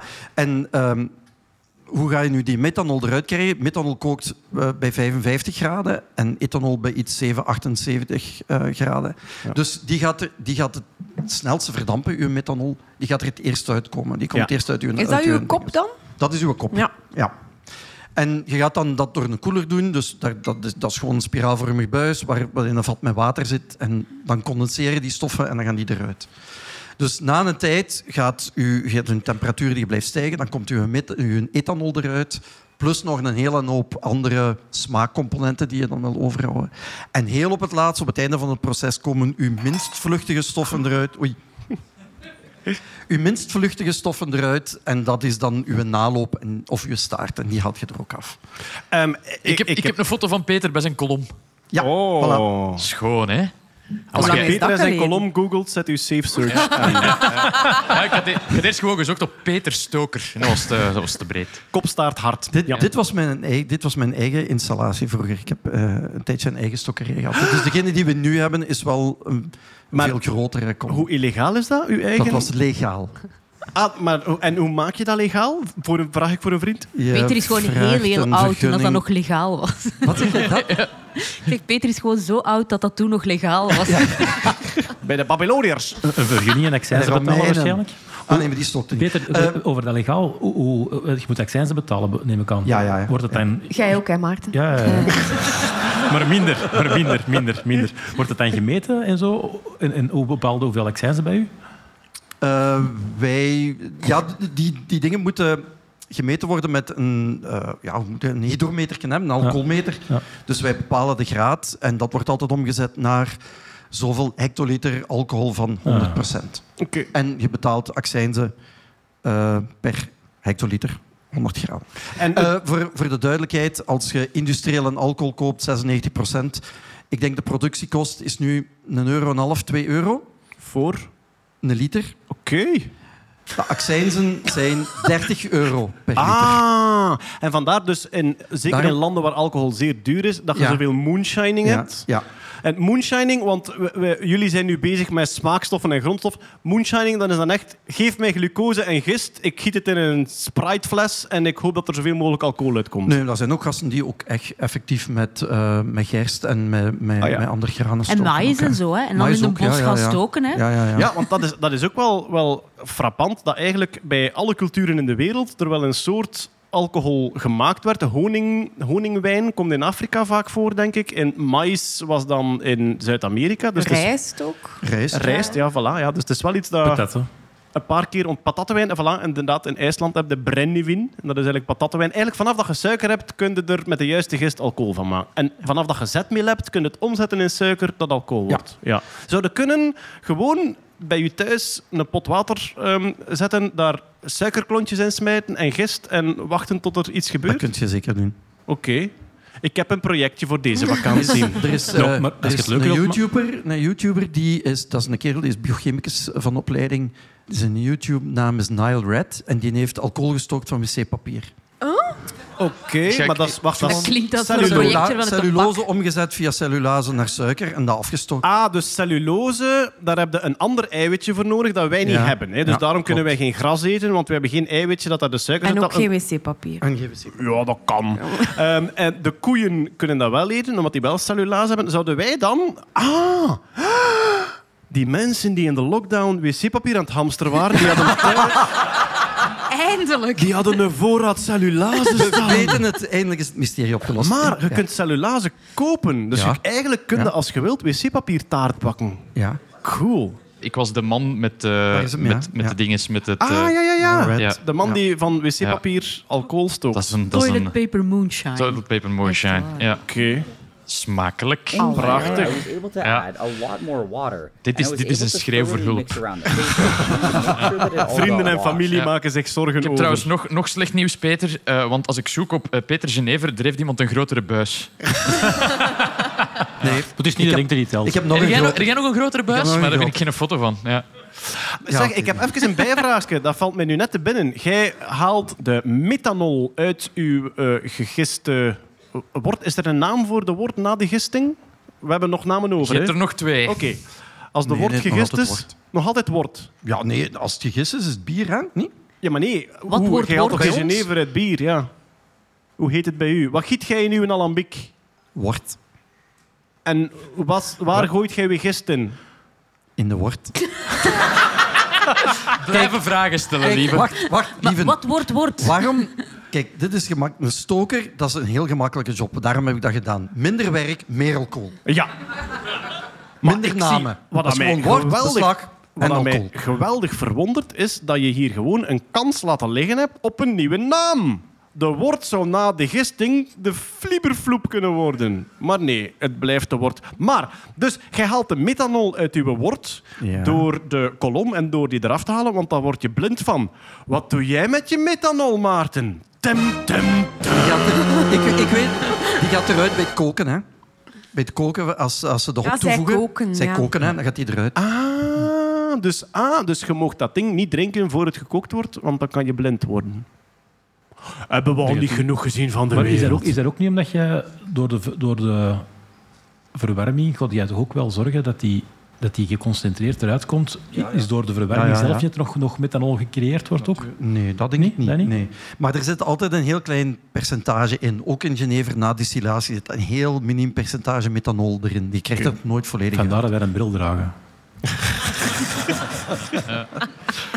Eh, goed, eh, Maarten heeft van alles gedaan om die smaak goed te krijgen met de juiste gisten, met de juiste hop of gruut of al wat je maar wilt. Eh, wat doen jullie? Chocolade toevoegen. Gewoon niets? Ja. Nee, als, wij die, als, als die alcohol daaruit komt, dan heet dat moutwijn. Hè? Oké. En die heeft een... Eh, dat gaat op de kaart. Hè. Ja, dat, wordt- dat is een term. Moutwijn is... Ja, maar eh, ging- ik dacht dat de terminologie alleen over bier was. Hè. Nu gaat je Dat dat is geen ook aparte kaart, Peter. Er is één kaart. Ja, nee, maar oké. Stooktermen. Moutwijn. Ja. Dat is het finaalproduct. Als je moutwijn uitsluitend van gerst maakt, je kunt die van allerlei granen maken in dit geval, maar alleen van gerst, en je gaat die moutwijn dan opslaan in een eiken vat voor drie jaar en één dag, dan heb je whisky. Drie jaar en één dag. Drie jaar en één dag. Maar whisky en komt erbij... Waarom die dag? Ja, dat- Er is een heel verhaal rond. Er is, er is discussie. Er moest eigenlijk eh, tien jaar tien zijn, want ze gingen, ze gingen die whiskyproductie wilden ze beperken en ze hadden die, die, die stokkers al opgelegd. En daar, er is zo'n heel verhaal rond. in, in, maar- in Denemarken is er een oude brouwer die een whisky, whatever, hoe dat dat ook noemt, eh, gestart is. En die is aan het proberen om heel dat eh, verouderingsproces te versnellen. En ik heb er over laatst een whisky van 14 dagen van gedronken. Waarop staat, het is not whisky, want hè, het is geen... En die smaakt... eh, die- ik heb die blind geproefd en dat was echt van, ja, ja dat is inderdaad... Dat is methanol whisky. gedronken op voorhand. Wat die, wat, wat die doet, dat is, die gaat met ultrasone eh, golven, gaat die het vat waar dat die whisky in zit, gaat die laten trillen. Doordat je dus continu bij, bij, whiskyvat hebt, dat is, je gaat dat gaat uit en in, in, in één knippen, en dan ga je continu whisky hebben dat in die poriën van de hout gaat en er terug uit gaat. En dat Ah. geeft eigenlijk de, die beweging geeft eigenlijk de smaak. Ja. Door dat met eh, ultrasoon te gaan laten vibreren, kan die dat op, vier, op twee weken. Wat een gemiste Allee. kans, jongen. In de Zillion hadden ze gewoon moeten whiskyvaten onder een dansvloer steken. Ja, maar dus, eh, eh, dat heb ik ook ooit gehoord van. Dat was toen van een, ehm, eh, eh, iemand die wijn maakte, druivenwijn, Maarten, druivenwijn. Die zei van ja, het feit dat je dat op houten vaten legt voor de smaak, eigenlijk is dat een beetje gelijk dat je thee trekt van je hout. Hè? Het is eigenlijk eh, uw, uw smaken van je hout die in uw drank komen en die dat dan rijker kunnen maken. Er is trouwens ook ooit een start-up geweest, dat, dat heb ik vijf jaar geleden gelezen, ik weet niet hoe het nu met hen gaat. Wat die eigenlijk wilden doen, was van heel veel exclusieve rode wijnen de exacte chemische samenstelling zoeken en die stofjes apart in flesjes steken, zodanig dat je een soort gigantische, eh, ja, gigantische hoeveelheid stoffen had en dat je op een knop duwde van geef mij een keer die wijn uit dat jaar en dat hij dat eigenlijk zou maken. Maar ik heb er niet meer van gehoord, dus waarschijnlijk is het valikant mislukt. Ik dacht bij whisky dat daar ook eh, turfsmaak in moest zitten. Ja, ja, ja. Oké, maar dat is niet bij alle whiskies zo.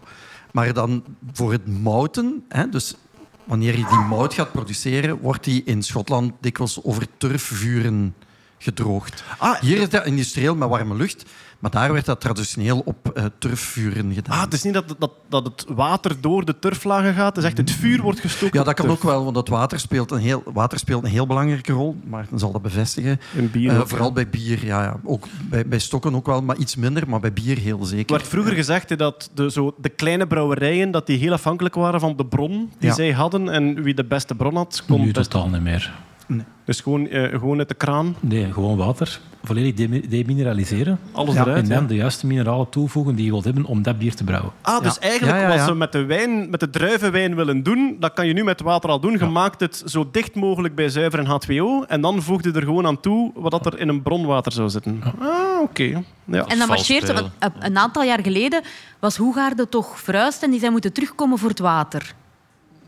Ja, langs de andere kant heel veel brouwerijen. Sinds 1970 zijn heel veel brouwerijen al ey, overgekocht en, en, en verplaatst. En daar is het dan weer ey, wel. We hebben er nu bij Hoegaarden wel juist het geval was. Als dat enkel voor het water zou zijn, dan denk ik dat dat perfect chemisch op te lossen is. Oké. Eh, Goed, je hebt uw moutwijn en dan kunnen verschillende richtingen uit. Je kunt er whisky Ja. van maken door hem lang op, op hout te Ja, leggen. maar als je er Genever van wilt maken, gaat je een bepaald percentage nemen. Pak, ik zeg maar iets, 10%, 20%. Daar ga je dan distillaten van kruiden aan toevoegen, water erbij, suiker eventueel. En dan puur een alcohol om de graad omhoog te krijgen. Want als je bijvoorbeeld... Hè, als die bij ons uit de installatie komt, is die tussen de 70 en de 80 procent alcohol. Ja. Maar als ik maar 10 procent van dat spul in mijn Genever ga doen, dan heb ik Genever van 8 graden. Ja. Dat is niet straf, hè? Nee. Je kunt geen bier drinken, hè? Ja. En, maar, en daarom doen we daar neutrale alcohol bij, om dan die graad naar 30, 35, dat is vals 40 te spelen eigenlijk. Eigenlijk is het een beetje vals spelen. Hoeveel ja. graden Ja, ja, is ja. eh, Sint-Bernard dus op 12? 12, denk ik. Ja. Is goed. Ehm, ja, en want eigenlijk zo de, de, de verschillende soorten alcohol beginnen nu wel een beetje op hun, op hun plek te vallen. En je kunt veel doen met druiven en dan heb je wijn en dan kun je dan nog sherry van maken en cognac. Is dat ook nog met extra distillatie? Dat is die, met distillatie, hè? die Ja. zwaardere wijnen zijn eigenlijk, eh, ja, niet dat je moet verdikken in maart, maar de zwaardere wijnen die zijn dan gemaakt door nog wat extra bij te distilleren. Nee, maar, maar cognac bijvoorbeeld is gewoon gedistilleerde wijn, hè? Ah ja, oké. Ja. Zeg maar, je zegt er juist moutwijn. Waar is barley wine dan? Eh, eh. Barley wine, maar eh, dat is gerstewijn, hè? Ja. Maar ik denk, ja, normaal noemen ze het malt wine. Ja. Maar barley wine, ja, waarschijnlijk heeft dat te maken dat dat dat is alleen maar uitsluitend van gerst Dat gemaakt zijn zo is. de bieren die 15, 16, 17 procent. Er is Ja. ook iets, ik weet niet eens Dat wat kan wel, gebeurd ja. is. Ja. En dus whisky is dan ook gewoon van graan gemaakt, gedistilleerd, eh, een beetje eventueel op turf gekookt. Ja. En Ja. dat hout, dat hout dat er heel belangrijk De productie van whisky zit ergens een beetje tussen, eh, tussen het stoken. Het heeft stukken van het stoken natuurlijk, distilleren ze erbij. Maar daar, ik, ik denk dat ze bij whisky ook dikwijls ook filteren zoals ze met bieren doen, als ik me niet vergis. De- er zijn een aantal whiskies die dat, dat filterproces van het, na het maïsje dus, wat de brouwers doen, maar de stokers niet. Dat doen ze bij, bij whiskyproductie af en toe wel. Ja. En dan andere dranken, ja, eh, sake, rijstwijn hebben we al genoemd. Ja. Komt dan weer van naar. Eh, vodka is van patatten of van graan ook? Of Eh, van... Beide kan. Maar vodka is hele neutrale alcohol eigenlijk. Ah ja, dus vodka is gewoon water en alcohol. Nee, niet noodzakelijk. Dat is dikwijls van graan of, en, of aardappel gemaakt. Maar Ja. die wordt wel heel neutraal gestookt. Dus En redelijk hooggradig. Hoe hoger de graad is, hoe minder smaak erachter blijft. Oké. En gin? Gin is mislukte Genever. Wauw. Wat is, wat is de geschiedenis van de gin? Is die gepikt is van, dat is die in de gepikt van 16e onze Genever? In de 16e eeuw kwamen de Engelsen hier vechten en die vochten aan de zijde van de Nederlanders, van de Hollanders. En die zagen dat de Hollanders zich moed indronken voor een slag met een soort distillaat. Vandaar de naam Dutch Courage. Dutch Courage. De, ja, Hollandse Dat is als je moed, zat. Dutch Ah, Courage, ja. En zij hebben, zij, zij hebben dat drankje meegenomen naar Engeland. Ze hebben dat daar proberen na te maken. Maar gin is, wordt dan meestal gemaakt van vertrekken vanuit pure alcohol. Terwijl wij eigenlijk eh, die moutwijnsmaak, die granensmaak daar nog in hebben, dat mag bij gin helemaal niet. Maar die voegen dan smaakstoffen toe, denk Maar ik. dat doen wij ook, hè? Ja, maar gin, gin is altijd afhankelijk van de extra toegevoegde smaakstoffen. Ja, en dat is vooral Genever. Dat is verplicht Geneverbes. En dat is met Genever ook. Daar, Ja. daar, daar zit de, ge- de gelijkenis tussen de twee. Oké. Dus alle twee Geneverbes sowieso, plus een hele hoop andere dingen wat je dan wilt doen. Ja. Maar jullie hebben nog dus de graansmaak van de Ja, mout die ze wel, in gin willen vermijden dan eigenlijk. Ja. Want jij drinkt ook Genever tonic in plaats van gin tonic, als ik me niet vergis. Natuurlijk. En misschien ook nog jonge en oude Genever. Is niet zozeer dat die jong en oud is als langer gestookt of korter. niet, heeft niks te maken met lagering, dat heeft te maken met de ouderdom van de receptuur. Het, het Dus oude de oude, recept. ja, een vieux systeem heet dat dan. Hè? Genever volgens het oude recept of volgens het nieuwe recept? Ja, dus oké. voor de wereldoorlogen of daarna. Dus voor de industrialisering. Met oude Genever is eigenlijk gewoon moutwijn een beetje versneden met water, wat kruiden toegevoegd en dat is het. Die is meestal hooggradiger. En vanaf het moment dat je die industriële stokkerijen krijgt die puur alcohol kunnen maken, dan krijg je dus alcohol die veel minder ehm, uitgesproken graansmaak heeft, veel, veel eh, ja, hoe zal ik dat zeggen, veel neutraler is en die ook laaggradiger is. En dat is dan het, het nieuwe systeem, het jonge systeem, dat is de jonge Genever. Dus in 1930 kon je geen jonge Genever drinken. Dat zou best kunnen, ja. Ik weet niet precies wanneer de grens is, maar, dan, eh, maar dat zou best kunnen, ja. Maar je was erbij, Peter. Ik was er niet bij. En, en ehm, hoe, hoe maakte gin tonic dan, Genever tonic? Is dat met oude, met jongen, eh, Eh, vooral temperatuur? met jongen wel, ja. Hoeveelheid? Dus je neemt de jonge Genever. Ja. Hoeveelheid hetzelfde als bij een gin tonic? Ja, ja, exact Twee op hetzelfde. Oké, Ja. voilà. En vo- voeg je er botanicals aan toe? Moet er komkommer in? Dat kun je. Kunt je. Maar de botanicals zitten ook al in de Genever. Ook. Ah ja, voilà. Genever tonic, voilà. Een, nie- een nieuwe hype is gestart. Ehm, goh, het lijkt erop dat we klaar zijn met de inleiding. Ja. Maar goed, we hebben nu... Allez, ik ben wel content. We hebben echt nu wel een zicht gekregen op de bouwprocessen, de verschillen. We hebben 10.000 nieuwe woorden geleerd. Misschien een test. Hetty, begrijpt u nu Ja. B? Ah, voilà. Volledig. Het is. We beginnen bij graan. Wat doe je met het graan? Eh, eh, Een beetje laten kiemen En hoe noemen we dat? en de kiemsmoren, dat wordt mout. Prachtig. Wat doen we met de... Wat wordt de mout? Wordt. Ah, tuurlijk. mout wordt, wordt. Wacht, ik noteer. Ja, voilà. Wordt, wordt gekookt en gefilterd. Er wordt gist aan toegevoegd. Het wordt vergist. Er komt alcohol bij. Allee, door die gist komt er alcohol vrij. Ja, En dan is het klaar. voilà. Geniaal. En waar zit de hopsplitsing? Oh ja, daar eh, bij de hoppen. Ja, voilà. Dus eh, Bij het koken. Maarten gaat er hop bij smijten en eh, Peter zegt, niks ervan, alcohol moet ik hebben. Ja. En dan eh, Zo gaat weinig hij mogelijk werk, zoveel mogelijk alcohol. beslag leggen, of beslag nemen, of wat? Beslag, Slag zetten. beslag zetten. Ja. Ah, ik zat al aan beslag trekken. Ik, beslag zetten. Vo- Voilà, kijk, dat is, dat is een, een, een, een, een mooi overzicht van het. Dat is een beetje de science of eh, brewing. Ja, ehm, op Nerdland Festival zijn jullie dan denk ik echt gaan doornerden met verschillende soorten bieren en, en wat doe je en bierkenners. Ja, lambiek op open vaten en gesloten vaten enzovoort. Ehm, Vooral het, schitterende onderzoek dat er in België gebeurt rond, rond eh, gisten. En waar ze eh, fruitvliegjes, DNA-structuur gaan kijken, hoe dat die op gist reageren en dat soort zotte dingen. Maar dat is dus, je hebt in België echt gistenbanken waar dat je gisten kan bestellen. Dus je kunt echt gewoon een mailje sturen. Stuur mij eens van die gist en dan, krijg, en dan zit dat ergens ingevroren waarschijnlijk en dan krijg je daar een staaltje van. Uh, ingevrozen weet ik niet juist, maar inderdaad, je kunt die wel dro- die worden wel gedroogd soms. Uh, maar je kunt, ja, er gebeurt gigantisch veel onderzoek naar, omdat die zoveel smaakstoffen en zo verder geven. En, en, en wat ze nu proberen te vinden is de Holy Grail, namelijk een gist die weinig alcohol produceert, maar wel heel veel smaak. Ah, en waar haalt jij je gist? In de winkel.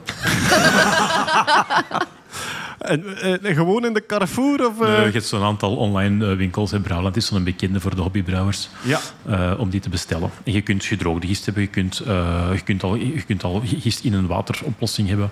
Ja. Soms kun je er gewoon in kappen. Soms moeten die eerst gaan, gaan, gaan terug reviven eigenlijk. Maar je noemt dat iets zeer boeiend. Dat vandaag er echt een markt is voor minder alcohol, meer smaak. Hè. Mensen zoeken een alternatief. Uh, mensen vinden het vaak een verarming om terug over te schakelen op meer zoete frisdrankjes. En die zoeken dan iets dat toch een rijke smaak heeft, maar minder van die alcohol. En Els, ja, de niet-alcoholische bieren, ik heb het ook al gemerkt. Ik ben zo iemand, Ah, ja. voilà, de, de niet-alcoholische bieren zijn de laatste 10, 15 jaar echt wel spectaculair verbeterd. Ja. Wat is de, of, wat is de of is er een nieuwe ontwikkeling Ja, er is een nieuwe ontwikkeling. Dus uh, ze hebben Deens onderzoek, waren dus aan het zoeken van... Blijkbaar is een van de grote problemen... Want als je alcoholvrij bier drinkt, dan denk je... Ja, het idee zit erin, maar ik mis wat alcohol. Hè, denk ik dan altijd. Maar uh, blijkbaar is dat vooral hoparoma dat ik mis. Want als je alcoholvrij bier maakt, je moet mij echt verbeteren. Hè? Maar wat ik heb begrepen is dat je het gaat alcoholvrij maken door het op het einde terug te verhitten. Er zijn drie een beetje, ja. ja er, er, zijn, er, zijn, er zijn drie mogelijkheden, maar misschien moet ik even eerst onderzoek uitleggen. Ja. Ja. dus dat kan onder andere door verhitting en dan gaat die alcohol weg, maar dan gaat dat hoparoma blijkbaar ook mee weg. Waardoor dat je dan dus een beetje wat fletser bier krijgt. En uh, nu hebben ze gisten hebben ze genetisch aangepast om hoparoma's te laten produceren. Oh. Een beetje zoals die mammoetvleesjus van de, van de podcast. Dus dat de gist als smaak... In plaats van dat de hopsmaak van de hop komt, dat de gist eigenlijk Ja. hopsmaak Ja, produceert. hoparoma's. En dan is het, voor zover als ik versta, gewoon op het einde hop, kwak, hop erbij en klaar. Jee, lekker bier. Ja, maar dat, dat is ook wel iets. Eh, gisten zijn een beetje de favoriete biologische fabriekjes van de bio-industrie. En nu dat we die CRISPR-methode hebben, kan je heel veel eiwitten door gist te laten produceren. Ik denk, we hebben het ooit wel gehad over de spider goats, waarbij er dan spinnendraad-eiwit in de melk zat, uit de uier kwam. Dat experiment is volledig stilgelegd, omdat het via gist veel gemakkelijker is. Je hebt in Gent heb de Those Vegan Cowboys en die willen eigenlijk de kaaseiwitten, caseïne, willen zij door gisten laten maken. Zodat je echt veganistische kaas kunt maken. Ja, de gisten zijn een beetje de, de fabriekjes geworden. Insuline ook, hè, denk ik. Voor eh, ah, ja. diabetes. Ik denk dat dat ook eh, vaak in gisten geproduceerd En dat is wordt, via genetische manipulatie. Ja, Die gist Modificatie, heeft daar, ja. Modificatie, ja. Dus die, die, gist, die gist heeft daar totaal geen voordeel bij van dat te publiceren, maar als wij te produceren, maar als wij het receptje veranderen, als wij genetisch het receptje veranderen, dan doet hij het dan gewoon. doet hij dat gewoon. En Ja. dan is de genetische selector, eh, zijn wij dan. Want wij beslissen, jij mag blijven leven, brave gist. Jij maakt insuline. Ik heb trouwens ooit foto's gezien van toen insuline nog uit varkens gehaald werd. Wat een berg Echt. dode varkens dat je nodig had. Ja. Ik was die foto aan het googelen, maar nu dat je het aan het zeggen bent, het is hier gezellig genoeg. Ja, voilà. Ja. Ja. Gelukkig fretten we genoeg varkens. hè. Dus- Insulin pigs dead. Pile of dead insulin pigs. Nee, alle foto's die ik vind Ja. echt niet... Oké. meer... Bo, als een, als een pallet cleanser ga ik gewoon een op blije varkentjes Ja, eh, voilà. doen, eh. Oké. Maar dus genetische manipulatie van gisten om die betere smaakstoffen... Maar als de gisten erin zitten, zit niet dat dan in voor de alcohol? Want dat wil je net niet.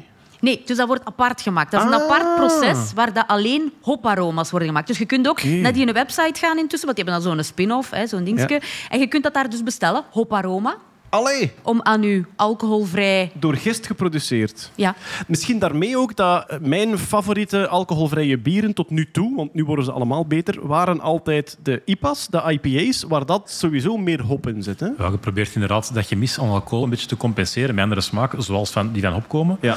Eh, Je hebt een aantal mogelijkheden. En één mogelijkheid is inderdaad verwarmen. Maar natuurlijk, als je gaat verwarmen, dan gaat je daar de alcohol terug uit doen, maar ook heel veel aroma's. En plus, je gaat een aantal off-flavors krijgen die je eigenlijk niet wilt.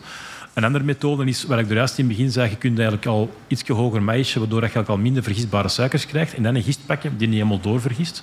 Ja. Maar ook dan heeft de gist minder kans gehad om die extra aroma's te geven. Ja. Een andere methode, dat de duurste is, maar wel de beste, dat is dat je eigenlijk gewoon bier gaat brouwen en dat je dan eigenlijk via omgekeerde osmose de alcohol er gaat uithalen. Osmose. Ja. En hopelijk beseffen nu dat mensen waarom dat alcoholvrij bier veel duurder is dan een triple die veel simpeler te brouwen is. Ah ja, omdat dan, ja, je moet echt een extra, extra processtap om dat eruit te halen. Nu, ehm, ik kocht vroeger de alcoholvrije biertjes gewoon in de supermarkt uit het standaardgamma. Na een tijdje kwamen daar wat specialetjes bij. Die, ik ga er toch eentje vernoemen. Ipanada van Viven, denk ik, Belgische brouwerij. En dat is een waarvan ik denk, amai, echt goed. Maar ik ben nu onlangs naar zo'n gespecialiseerde bierwinkel geweest, een Hopduvel in Gent. En daar heb ik eens gewoon mijn mandje volgeladen met alles dat ze hadden van alcoholvrije dingen. Dat zijn er Daar al zit- veel, hè? maar daar zit echt wel zitten goede stuff tussen. ja. Vroeger, vroeger was dat typisch. Ik denk dat iedereen die dat vaak drinkt nog wel, zich dat nog wel herinnert. Zo die flatse smaak van alcoholvrije bieren 15, 20 jaar geleden. Ja, dat is nu wel weg. Je hebt nu echt wel rijke smaken in die alcoholvrije maar ik bieren. vind zo, de specialetjes die zitten zo al wel wat beter, of daar zitten zo wel wat specialere smaken in. Maar zo de hele gewone pils, dat is toch Wel, nog altijd ey. wel van... eh, Ik weet niet voor hoever dat we namen mogen noemen, maar, maar de, Ik vind van wel. de- ik vind eigenlijk van de, van de commerciële bieren, vind ik in de Kalversberg 0% is echt wel een echt oké 0% Deens onderzoek biertje. en Ja. hebben al van die hoparoma's Eh, die is eh, trouwens een van de een heel oude brouwerijen. Ze zijn al heel lang bezig met onderzoek daar rond. Eh, die zijn ook een van de eerste trouwens die na Pasteur zijn ontdekking gedaan heeft, microbiologen heeft aange- aangetrokken om een heel microbiologisch lab op te wikkelen om, te, om rond de gist te gaan ontwikkelen. Maar hier een beetje verder, bij brouwerij Roman, de, de, de Ramon. Ramon, ja. Henk Rijkaard is een ja. grote fan van Ramon. Eh, vind ik ook heel lekker. Ja, voilà. Eh, en je hebt er verschillende. eh, ja. Ja, maar eigenlijk is dat... Want ja, februari is zo de, de klassieke Ja. mineraalmaand. Eh, misschien moeten we gewoon in het begin van februari zo'n keer alcoholvrij bierproeverij doen. En dan kan iedereen een keer komen zien Ja. wat dat er het meest aan staat. Dat is het voordeel. Sinds, sinds ik met mijn eigen bier bezig ben, werk ik samen met heel veel mensen die met biersommeliers. En die komen dan met mij bier halen. In plaats van dat die geld geven, geven die mij gewoon bier in de plaats. Oké. En in februari geven, mij, geven die helemaal alcoholvrij bier. Ah, is ook eh, heel veel variatie tegenwoordig. Vrienden, vrienden, ik heb een dringend verhaaltje. Ehm, Ja. Als je alcohol drinkt, dan werkt dat in op verschillende neurotransmitters in je hersenen. Zo blijkt. En een van die neurotransmitters De is an- GABA-receptoren. Ja, een van die neurotransmitters is het antidiuretisch hormoon. Antidiuretisch. Antidiuretisch hormoon, wat, dat is het hormoon dat aan je nieren zegt... filter nog maar een beetje meer. Je moet nog niet plassen. Nu. Ehm, ik denk dat mijn antidiuretisch hormoonniveau momenteel een beetje verstoord is. En ik zou eigenlijk zeer dringend een sanitaire pitstop moeten maken. Maar ik dacht, ik ga die niet maken zonder ook een soort van weetje in Ja. de groep te gooien. Er staan hier intussen ook een paar lege flesjes, Jeroen. Ja, want ik heb schrik, schrik, dat, schrik dat mensen mijn woord gaan zien. Eh, ga uw mijn excuses, sorry. Het is echt... eh, Ga uw antidiuretische gang, eh, Jeroen. Geen enkel probleem. Ja, we hadden het over de brouwerijen hier in de buurt. We zitten hier bij Sint Bernardus. En dan kan je niet anders dan ook West-Vleteren vernoemen. Hè. Een, een bier dat een wereldwijd een legendarische status heeft. Omwille van het verhaal daarachter natuurlijk. Ook in mede. Nog altijd door de, ehm, door de paters zelf gebrouwen. Enkel als ze centen nodig hebben. En enkel af te halen. Hoe werkt het juist? Je moet ik weet niet het nog altijd zo is. Dat je echt moet bellen en zeggen, ik kom dan. En je moet je plak opgeven. En dan kun je zo... Maar, waarom ik het vernoem? Ja, er, gaat toch, er wordt toch heel vaak gezegd dat Sint-Bernardus eigenlijk hetzelfde recept is als West-Vleteren. En ik weet zelfs niet of dat ik dat mag zeggen, wat dat geheim is of gevoelig. Maar eh, hoe zit dat precies, Maarten? Dat is een geheim, hè? Ah, dat is een geheim. maar we gaan het niet verder vertellen. Nee, waar, waar, waar, waar wel waar is, is hè, dus die werkten heel goed samen. Sint dus eerst de commercialisatie in West-Veter gedaan. En tot op een bepaald moment hebben de trappisten eh, er die drie regels. En een van de regels was dat om trappistenbier te zijn, eh, moet het bier in of in de nabijheid van de brouwerij Van de eh, abdij, ja. van, de, van de abdij gebrouwen worden. Ik heb trouwens gisteren Wikipedia in Nederlands nog aangepast, want daar stond in de, in de abdij. Dat is niet waar, het is in of in, in de. Je hebt Wikipedia aangepast. Ja, en, oh, en de ultieme kroon het is van niet de well gecorrigeerd. actually. Het is niet gecorrigeerd door Ah, die mensen, dus dat vond ik wel tof. Ik had er ook de juiste referentie bij gezet en zo. Ehm, en dus ja, hey, dat is niet zo heel ver hier vandaan, maar het is te ver vandaan om te zeggen in de nabijheid van. Hoe ver mag het zijn? De nabijheid van. Maar nabij. Ja, in de regel staat in de nabijheid van. Ter neffe. Oké, Ja. maar kijk, de, Dat zijn, niet- dat zijn, dat zijn monniken. Je moet altijd een zijn beetje, moet altijd Ja, een beetje zorgen dat er een beetje dingen. En dan heb je ook wel... eh, dus je hebt je trappistenbieren. Er zijn er een eh, tien. Wij denken alleen maar aan die Belgische, maar er zijn er ook in Engeland, in Nederland, in ik denk zelfs Zwitserland, Oostenrijk. Eh, in Frankrijk, ben ik niet zeker. was er eentje, denk ik. Hè? Ja, er is er ook één, er is er één die wel de kaas heeft, die trappistenkaas is, maar waar het bier nog niet erkend is als trappisten. Dat is hier vlak, eh, ze- eh, zijn de Mondekets, hier juist een beetje ten zuiden. Eh, en je hebt ook abdijbieren. En abdijbieren, daar heb je twee regels voor een bepaald jaartal of daarna. En daar moet het zijn dat het ten goede van de abdij eigenlijk is. Maar dat is geen trappisten. dan. Maar Leffe is een abdijbier, maar dat is toch een rot commercieel bier. Dat heeft toch niks met de goede van de eh, abdij te eh, maken? ja, nee, maar dat is... Geen sponsor. Nee. Nee, geen sponsor, ik zal het bewijzen. Het slechtste bier op aarde is Leffe Ruby op kamertemperatuur. Dat is een beetje alsof dat je een bruine leffe pakt. Je giet er wel lauw water bij. En dan neem je zo een arbre magique aardbei en die sopte daar vijf minuten in. Maar eh, dit- dit- je, moet, je, moet twee, je, hebt, je hebt twee groepen bieren. Je hebt bieren die van brouwerij komen die trots zijn op hun bier. Ja. En die eh, starten vanuit een, een, een, een bier waar ze zeggen van daar geloven wij in. Je hebt ook brouwerijen die puur commercieel ingesteld zijn. En bijvoorbeeld in een Heineken of een InBev, die doen marktonderzoek. Die gaan kijken, onze leffe moet, voor Heineken, voor uh, InBev dan, onze moet zoeter worden. Want de gemiddelde mensen, het panel zegt... Suiker, Dus die passen suiker dat bij aan. kappen. Ja. En die gaan echt op basis van de... Van de Ja, ja. Daarmee groot dat, eh, verschil. dat, ik, ik denk dat ik al 25 was, eer dat ik ontdekte dat niet alle geuzes zoet zijn. Want alle, alle die geus Belvuus die je vroeger op een café vond, ja, die zitten vol suiker. Er is een gigantische oorlog geweest tussen de, de echte geuze eh, st- stekers. Want je hebt, je hebt een lambiekbrouwer dus, en Ja. een geuze steker. Dus lambiek wordt gebrouwen en Ja. geus is een Is mengsel, een mengsel van... ook, ja, ja, Ja, ja, ja. oké. Is eigenlijk een, is een blend van verschillende eh lambieken, inderdaad. Eh is een enorme strijd geweest, omdat er inderdaad er waren andere commerciële brouwerijen die suiker toevoegden en dat pasteuriseerden. Want dat is eigenlijk een stap die we niet hebben uitgelegd, het pasteuriseren. Ehm, als je dat bedoelt in de inleiding, dan ken je dat nog. Ja. Ehm, die, ehm, ja, die vonden dat niet oké, want je gaat totaal teniet om de oude manier van geuzen en lambiek. Gelukkig is de oude geuze echt wel terug. Hè. Ik bedoel, dat is Ja. echt... Allee, misschien ben ik gebiased door mijn omgeving, maar de oude geuze, de Belgian sours als een soort trots van onze culinaire erfenis. Dat is echt wel terug, heb ik de indruk. Veel mensen beginnen dat ook te proeven, kennen ook de verschillende oude geuzen uit elkaar. Ja, je moet, maar je moet wel leren drinken, vind ik. Het is, er, zit, er zit zoveel smaak in, maar je moet wel even die stap hey, aanvaarden om van dat commercieel zoeter bier naar Ah, wel, ik- bier te gaan. Ik, voor, voor mij zo eh, ehm, eh, Girardin en Drie Fonteinen, dat zijn eigenlijk zo oude geuzen die ik onmiddellijk heel lekker vond. Ik hou ook van zuur, misschien dat dat ermee te maken heeft. Ik heb onlangs een Hansen geproefd, op aanraden van een sterrenchef. En die zei van, dat vind ik eigenlijk de beste geus. En dan had ik wel, wat je nu zegt, dan gebeurde er zoveel dat ik me even moest zetten. Dat ik dacht van, ja, dit is, dit is niet echt zaterdagavond in de zetel rustig iets drinken, maar daar zit, daar zit zoveel in van verschillende facetten. Dat is inderdaad geweldig rijk, ja, dat is wel zo. En een Orval bijvoorbeeld, de hergisting bij Orval, die gebruiken ook dezelfde eh zuurdere eh, gist die meer zuurderij- zuurde- zuurigheid geeft. Bij een lambic bijvoorbeeld, je gebruikt ook in een Orval. Vandaar dat hij ook blijft verschillen en ver, ja, eh, veranderen nog eh, langer dat je die zet. Ah ja, die, ja, ja dat is juist. Mijn, mijn, pa, is, eh, was onlangs in een, in een biercafé. Ik denk dat ergens in de grensstreek was. Zo, zo eh, Moerbeke, Hulst, de Belgisch-Nederlandse grens. was in een biercafé. En die bestelde hem een Orval. En de bazin van het café vroeg, moet die vervallen zijn of niet? En dus, en dus vraagt mijn pa, wat is het verschil? Als hij vervallen is, is hij duurder.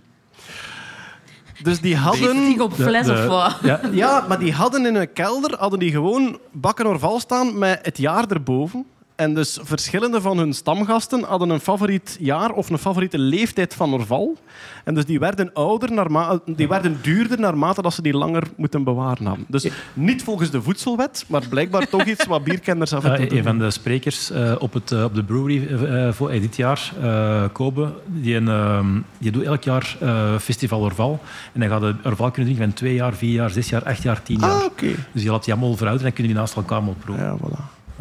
Oké, we hebben nog een paar weetjes staan, hè, want onze, onze tijd geraakt op. We hebben nog een paar weetjes staan waar we, zoals altijd op het einde van de podcast, in razendsnel tempo, eh, Jeroen, overheen zullen gaan. Hetty, de mens gaat naar de ruimte. Ja. Dan is het geweldig belangrijk. niet, maar Eh, ja. voilà. om- misschien wel, hè. Misschien wel Misschien wel, ooit. Eh, dan, is... dan is het geweldig belangrijk dat we daar ook bier hebben. Ja. Kunnen we bier brouwen in de ruimte? Goh, ze zijn bezig met onderzoek. Ehm, Het was te pijs. Ja, het is echt. Ehm, in Utah is er zo'n eh Mars-simulatieproject waar dat ze onder andere Marsgrond nabootsen. En daar proberen ze dan graan en hop te telen. Ah ja, dus het Ja. begint echt met de Ja, landbouwproducten. exact. Maar goed, we hebben nog geen Marsgrond hier op aarde. Dat zou er over een paar jaar moeten aankomen. Hè. De Ja. Perseverance rover zal een aantal hoopjes Marsgrond klaarleggen voor een, een, een nieuwe missie om dat mee te nemen. En dan gaat het pas echt weten. Maar het ziet er naar uit dat het kan. Maar goed, dan heb je nog heel dat brouwproces hier, waar dat zwaartekracht ook een rol speelt. Dus dat zijn ze ook allemaal aan het Ah, dus echt de zwaartekracht zou ook nog belangrijk zijn. Ja, ja. Dus brouwen in zero gravity of maanzwaartekracht in die zou ISS of op de maan of op Mars zou anders zijn. En wat ik niet wist, is dat er blijkbaar op de maan al wijn gedronken geweest Druivenwijn. is. Ja, druif, ja, ja, ja. ja, sorry. Zelfs bij de aller, allereerste maanlanding. Dus Buzz Aldrin, ik wist dat echt niet. Buzz Aldrin en Neil Armstrong zijn afgedaald met de Eagle. Vlak voordat Armstrong als eerste is uitgestapt, heeft Buzz Aldrin daar een soort, hoe noemde dat? Ik ben atheïst. Ja, Eucharistieviering, inderdaad. was miswijn, hè? Hij is, heeft miswijn meegebracht van op aarde en een hostie, En een hostie, meegebracht. ja, en hij heeft daar effectief wijn gedronken. Voor... Ah, Dat is toch... Voilà. De mens verovert de ruimte. Wij brengen alcohol en religie. Yay! Hoe, hoe, hoe, hoe doe je dat in vacuüm om zo de kurken stop uit de fles te trekken? Ja, nee, dat was mee. En hij heeft dat dan in een, in een speciaal glas... ge- Hij had een, een, een kelk mee ook. Een miskelk. kunnen, ja. Maar het is echt maf. En die staan nu nog in Amerika om te bezichtigen, uiteraard. Maar... Maar dat is echt zeer verborgen gehouden door NASA, omdat Ja. zij scheiding van kerk en staat, dat dat een beetje, een beetje lastig Dus was. we, zijn, Zo, we, zijn waarom- naar, we zijn naar de maan geweest om wijn te drinken en daar met een golfkarretje rond te rijden. Dat is het meest, het meest witte ding dat ik kan voorstellen. Eigenlijk had het nog gin tonic moeten zijn. Hè? Ja, Ik heb ondertussen ook gevonden, eh, ja, Russen in het, het ISS die hebben ook vodka mee en dat komt in tubekes. Ja. Eh, ja, wel. eh, Russen hebben geen vodka mee. Ah, oh, mijn excuses. nee, nee, wacht, wacht, wacht. Officieel Ah, ja, ja, maar... hebben ze geen geen vodka mee, want alcohol is verboden in het ISS. Ik denk dat alcohol altijd officieel verboden was voor Russische astronauten, maar het is een publiek geheim dat die constant aan het suipen waren. Het is niet altijd officieel verboden. Is het echt? Ah, oké. In Want, de eh, 70s. Ja, ja, exact. exact. Nee, maar- Ja. En het meer eerste- zat blijkbaar achter de panelen. In het meer zaten er Inderdaad. daar... eh, ja, dat, was, dat was bekend in Mir, dat er daar dus zijpanelen waren en dat die los konden Ja. en dat daarachter de vodka gestoken werd. Dat is daarmee dat hij een hittetegel bij de ramp met de Challenger is losgeschoten. Iemand had er, iemand had er een, fles, een fles whisky achter gezet. Eh, maar bij de eerste aankoppeling van een Russisch en een Amerikaans ruimtetuig, ehm, ja, dan was er een soort verbroedering. En toen zei de eh, Russische astronaut, die zei van, ah, dit is een verbroedering, dan is het toch bij ons cultureel dat we vodka drinken. En die hadden dus effectief een tube met een vodka-etiket op. En die Amerikaan zei, ik mag echt niet, dat is compleet tegen mijn regels. Ja, it would be an insult for Ah, ja. our culture. En uiteindelijk heeft hij daar toch van geproefd en dat was gewoon erwtensoep, waar dat hij voor de mop een vodka-etiket op geplakt. Dus die was gewoon zo wat kloot met een Amerikaan. Van, nee, oké. Dat was was Leonov, denk ik. Leonov en... Het staat in de scheurkalender, maar... Ja, er is, er is, een heel, er is echt een prachtige vriendschap tussen een Amerikaanse en een Russische astronaut. En dat was Leonov N. En dan de Amerikaan zijn naam ben ik vergeten. In die mate dat die zelfs Peter waren van mekaars kinderen. We zitten midden Koude Oorlog. Hè? Peter van mekaars kinderen, heel vaak op bezoek bij elkaar, vriend aan huis. En ja, die zegt, de, de, de vriendschap van mijn leven was eigenlijk tussen die twee. Moeilijk ook zo'n alcoholcontrole in het ISS. Hè. Allee, kom, zweeft maar eens op de lijn. En hoe snel denkt meneer dat hem in orbit was? 28.000 kilometer per uur. Voilà, eh, bierbrouwen in de ruimte zou dus eh, misschien ook wel kunnen. Eh, we hebben een opvolgertje van alcoholnieuws uit de podcast. Jeroen, we hebben het ooit gehad Ja. over de man met het auto-brewery syndrome.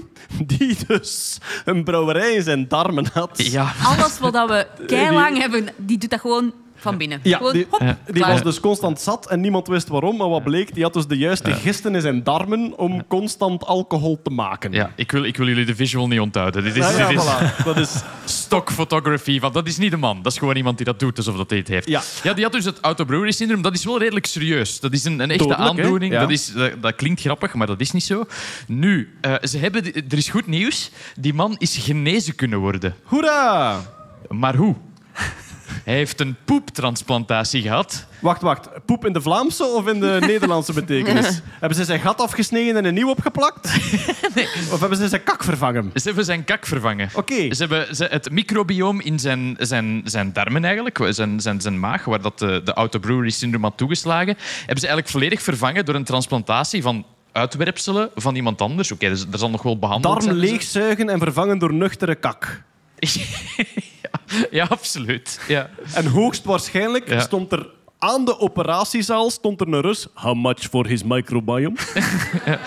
Maar I buy his microbiome. Ja, het goede nieuws is, hij is, daarna drie jaar, hij is daarna drie jaar opgevolgd en het, het auto-brewery syndroom is niet teruggekomen. Die is dus volledig daarvan genezen door een heel specifieke... Want er zijn op voorhand wel testen voor om te zeggen... Allee, ja, je kunt niet zomaar zeggen van... We gaan deze kak eens proberen. Allee, dat, dat- er zijn testen op voorhand. Maar die is er dus van genezen. Vind ik geweldig. Ondertussen gebruiken ze gist voor leffen. Oh, dat... Ik snap het niet, maar het, het voelt alsof de handschoenen af zijn. Voor bruine leffen, Maarten? Ruby. Ja, ja, ja. Eh, Oké, wat hebben we hier nog staan? Ja, we hebben het ooit gehad eh, in de podcast over kleine breincelletjes die in het laboratorium gegroeid werden. Hè. Ehm, ehm, organoïden noemen ze dat, denk ik. hè. Dus vanuit stamcellen maakte kleine breinpropjes. Die kunnen niet nadenken zoals wij. Dat zijn eigenlijk gewoon kleine structuurtjes waar ook neuronen in zitten. En die neuronen kunnen een beetje vuren. Waar hadden we het over in de podcast? Ze hebben van die kleine breinpropjes Pong leren spelen. Het spelletje Pong. En daar was ook nieuws over, Els. Ja, wel, wij hadden het daar in januari over, maar nu is die paper officieel gereleased. En ze hebben er direct bij gezegd, en het volgende dat we gaan doen is, we gaan die breincelletjes dronken maken. We gaan die ethanol geven en we gaan kijken of dat ze dan nog even goed pong kunnen spelen. Dus echt zo, we hebben nu kleine hersenen gemaakt. Volgende stap. Zat. We gaan die zat maken. Dat vraagt om crappy clip art. Oh ja. Oh. Prachtig. Eh, Jeroen, dit vond ik ook wel bijzonder eh, frappant. Er wordt een koptelefoon ontwikkeld die u kan waarschuwen of dat je te zat bent of niet. Ik, ik, ik heb het gisteren ook maar pas ontdekt. Ehm, er is een Japans bedrijf dat ontdekt heeft... Op een of andere manier, mensen een alcoholtest vinden dat heel confronterend. Je moet blazen. Er is een soort van, eh, moet ik zeggen, fallische beweging van op een buis te blazen. En dus hebben zij een alternatieve Ah, of manier... daarop blazen. Ik zou zeggen, Els, leg het u uit. Maar... Eh, Kijk, I don't judge. Ehm, een, Japans, een Japans onderzoeksteam die gedacht heeft van kunnen we op een andere manier de intoxicatie van een persoon meten. En wat blijkt, als je veel alcohol drinkt, en dus ethanol, de soort van alcohol die wij absorberen... Peter is mij aan het aankijken, maar ik, het is toch Nee, juist... nee, nee. oké, sorry. Ik had vol gewoon interesse. een, een resting judgy face. Ehm, als je genoeg ethanol consumeert, komt er eh, aan de, de graad van je intoxi- intoxicatieniveau ook een heel klein beetje ethanol, echt een, een minuscuul klein beetje, uit je oren. en dat kunt je meten met een koptelefoon. En dat, dat- is exact wat dat, dat onderzoeksteam Maar gedaan dat heeft. kan niet. Jawel. Allee. Ja, het is echt, het- eh, er staat wel bij, het, het instrument moet per persoon gekalibreerd worden. Dus sommige mensen stinken harder uit hun oren. Maar, Maar wacht, maar wacht als, je, als dat nu voor mij kan, dan moet ik eerst mij zat drinken. ja, absoluut. Ja. Dus je moet u eerst zat drinken Ja. En dan de koptelefoon opzetten en dan kunnen ze die kalibreren. Nee, je moet bij, de, bij de eerste afspraak moet je goed zat drinken, dat ze een baseline hebben. En alle volgende keren dat je dan gestopt wordt door de flikken, kun je kiezen tussen blazen of de koptelefoon, veronderstel ik. Ja. Als, als u tegenhouden, kunnen zeggen: Ik ben mijn koptelefoon aan het kalibreren. Ja, Ik ja. zit even in mijn baseline, laat Ja. me gerust. Ja. Of ik heb, ik heb helemaal niet gedronken. Ik heb gewoon onze oren gelikt. Maar dat vraagt mij ook af. Hoe zat moet iemand zijn eer dat je zat kan worden van aan zijn oren te rikken? Hé, dat je gewoon zo... Z- Zuig naar zijn oren! voilà, Ja. maar dus die is in ontwikkeling. De koptelefoon die kan zeggen van, nu mogen je niet meer rijden. ja. Oké. Er zijn zelfs meer stoffen die langs je oren ontsnappen die dat ze ook kunnen meten. Dus Spreek voor jezelf, Ja, Jeroen. kijk. Zoals? Ik, ik, ja, d- er zijn andere enzymen die ze kunnen detecteren. Eh, het is nog niet helemaal duidelijk wat. Er wordt hier iets vermeld van insuline, maar dat lijkt mij heel sterk. En een serieuze omweg dat je diabetes kunt meren uit je... Allee, Uit uw oren. ja, Ja. Dat, is, dat, is, dat is niet echt... Nee. Ça va. Ik heb nog één iets gestaan dat we eigenlijk een beetje overgeslagen hebben in het overlopen van zo'n geschiedenisbrouwproces. Maar het is een soort debunking, weet je, waar ik dan wel eh, dol op ben. Dus ik ga da- daarmee eh, afsluiten. Ik heb altijd gehoord, Maarten, dat er in de middeleeuwen bier gedronken werd omdat het water besmet was met bacteriën. En jij zegt nu... Fout. Dat is niet alleen, een minute. Dus- This is fake news. Yes, yes, yes. Blijkbaar is, komt dat verhaal van 1800, 1900 ongeveer. Want dat was dat wel het geval. Met de cholera en van die dingen. Ah, toen was het wel zo. dus in ja, maar dat 1800, is- maar dat is- 1900... Dat is al de vroege moderne tijd. Hè. Dat is Ja. niet meer middeleeuwen. Door de, de, het, het slechte water. Hè? De, Ja, de, besmette ja. En ze zouden waarschijnlijk ons toen gedacht hebben van als wij dat probleem nu hebben, dan zullen die lompe mensen van voor ons ook wel hebben gehad. Oké. Maar wat blijkt nu uit heel veel geschriften, dat eigenlijk eh, de meeste boeren en zo verder hadden allemaal wel proper water, eh, van smeltwater of eh, bronwater en zo verder en er zijn zelfs geschriften waar dat perfect staat hoe dat je oké water en niet oké water van elkaar kunt gaan, kunt gaan uit- uit elkaar halen, dat je dat kunt koken. En het is veel simpeler om water gewoon te koken en dan te drinken dan er bier van te maken trouwens. Ja, dat wel. Ehm, waar dat wel was, was in de 15e en 16e eeuw, toen dat de grote steden eh, ontstonden, dan hadden ze wel een probleem om in die stad eh, proper water te hebben. Pak nu, eh, denk in Antwerpen, 16e eeuw, eh keer de verzilting van de Schelde. Maar dan hebben ze gewoon een kanaal van 7 kilometer van Wommelgem naar Antwerpen gegraven om daar van Schijn, nu wilde echt geen water drinken van Schijn, maar toen kon dat nog wel, om dat water binnen te brengen. Ondergrondse riolen te maken om dat water allemaal naar het waterhuis te brengen. Paarden die daarmee rondlopen om dat naar boven te brengen. En dan Dus een pomp op paard. ja, en dan buizen naar 16 brouwerijen om daar proper water, maar ook voor de mensen die gewoon water konden pakken. Dus er was genoeg proper water. De reden dat de mensen gewoon bier dronken was omdat er was niet veel anders. Eh, ik bedoel, eh, koffie, thee en zo verder, dat is pas eh 17e, 18e eeuw, denk ik. Ja. Eh, dus daarvoor er was, en je had water, je had ongetwijfeld aan de, aan de, een aantal fruitsappen en zo verder, maar dat, dat, dat, dat, blijft niet lang goed. Ja, water, melk en dan Eh, ja, appelsap. Melk was blijkbaar vooral in de middeleeuwen voor de baby's, de, eh, eh, de, de, de zieken en de bejaarden. Ah ja, oké. Ja. Ja, ça va. En dus eh, bier was dan gewoon eh, de, de frisdrank van die tijd. Ze, ze, ze hebben op basis van die, van die gruitrechten hebben ze kunnen berekenen hoeveel bier gedronken werd. Hè. Want dan wist wist hoeveel dat gedronken, dat er betaald werd. Gemiddeld dronk een middeleeuwer, ehm, man, vrouw en kind, één liter bier per dag. Wat? Dus s morgens kreeg u een liter en Ja. s'avonds was die morgens leeg. begon die met tafelbier. Toen noemden ze dat een dun bier. En dan later, afhankelijk van eh, hoeveel geld dat je had, eh hadden een iets donker, eh, een iets eh, eh, steviger bier. Ja. Het grote verschil was, die waren niet zo doorgegist zoals nu. Dus er waren veel meer restsuikers. Die hadden ook veel meer, eh, die hadden minder alcohol, maar veel meer suikers. En dus veel meer voedingsstoffen ook nog. Ja, ja oké. ja. Eh, Eh, voedingswaarde, calorieën eigenlijk, Ja, die je ja. nodig had om te werken toen. Ja. En dan als, je, als het echt een feestje was, dan gingen ze bruin bier maken. Ah. Omdat voor bruin bier heb je veel meer materialen nodig en dus veel duurder. Ja, ja, ja, ja, ça va.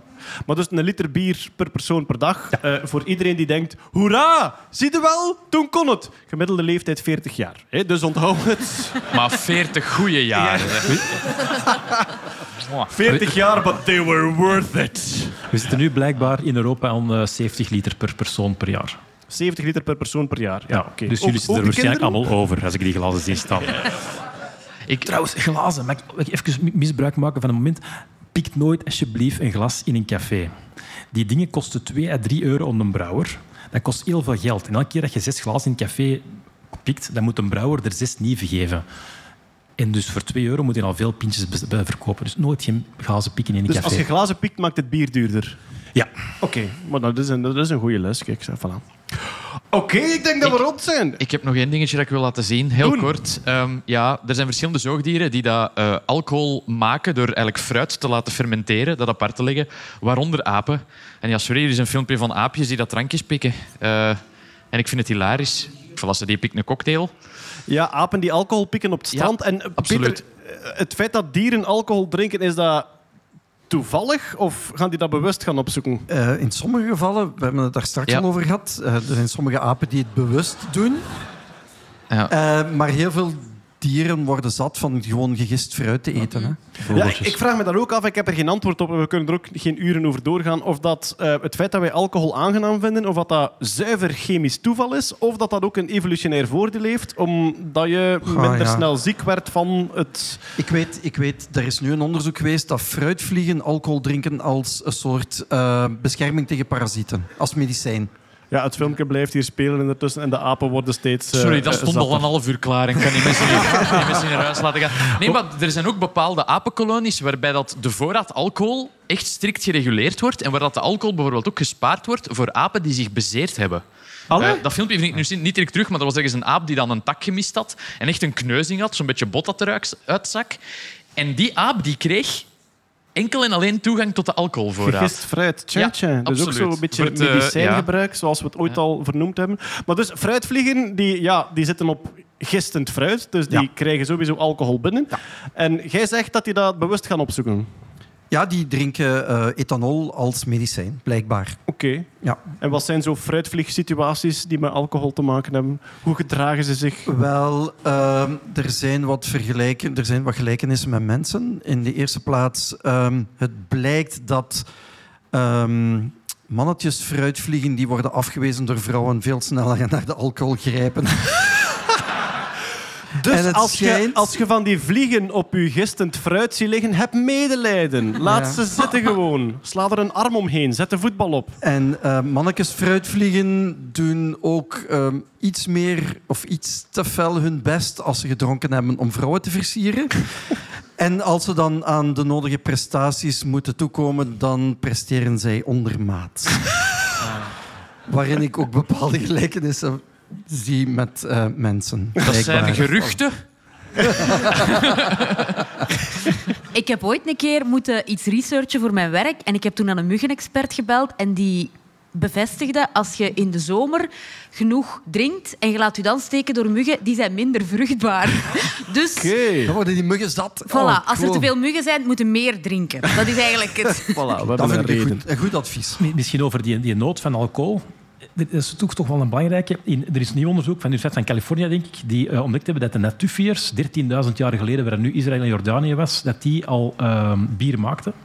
En die claimen zelfs, dat, dat was nog voordat we landbouw deden en zo verder, hè, dat de nood aan landbouw er niet gekomen is om brood te maken, maar om bier te kunnen maken.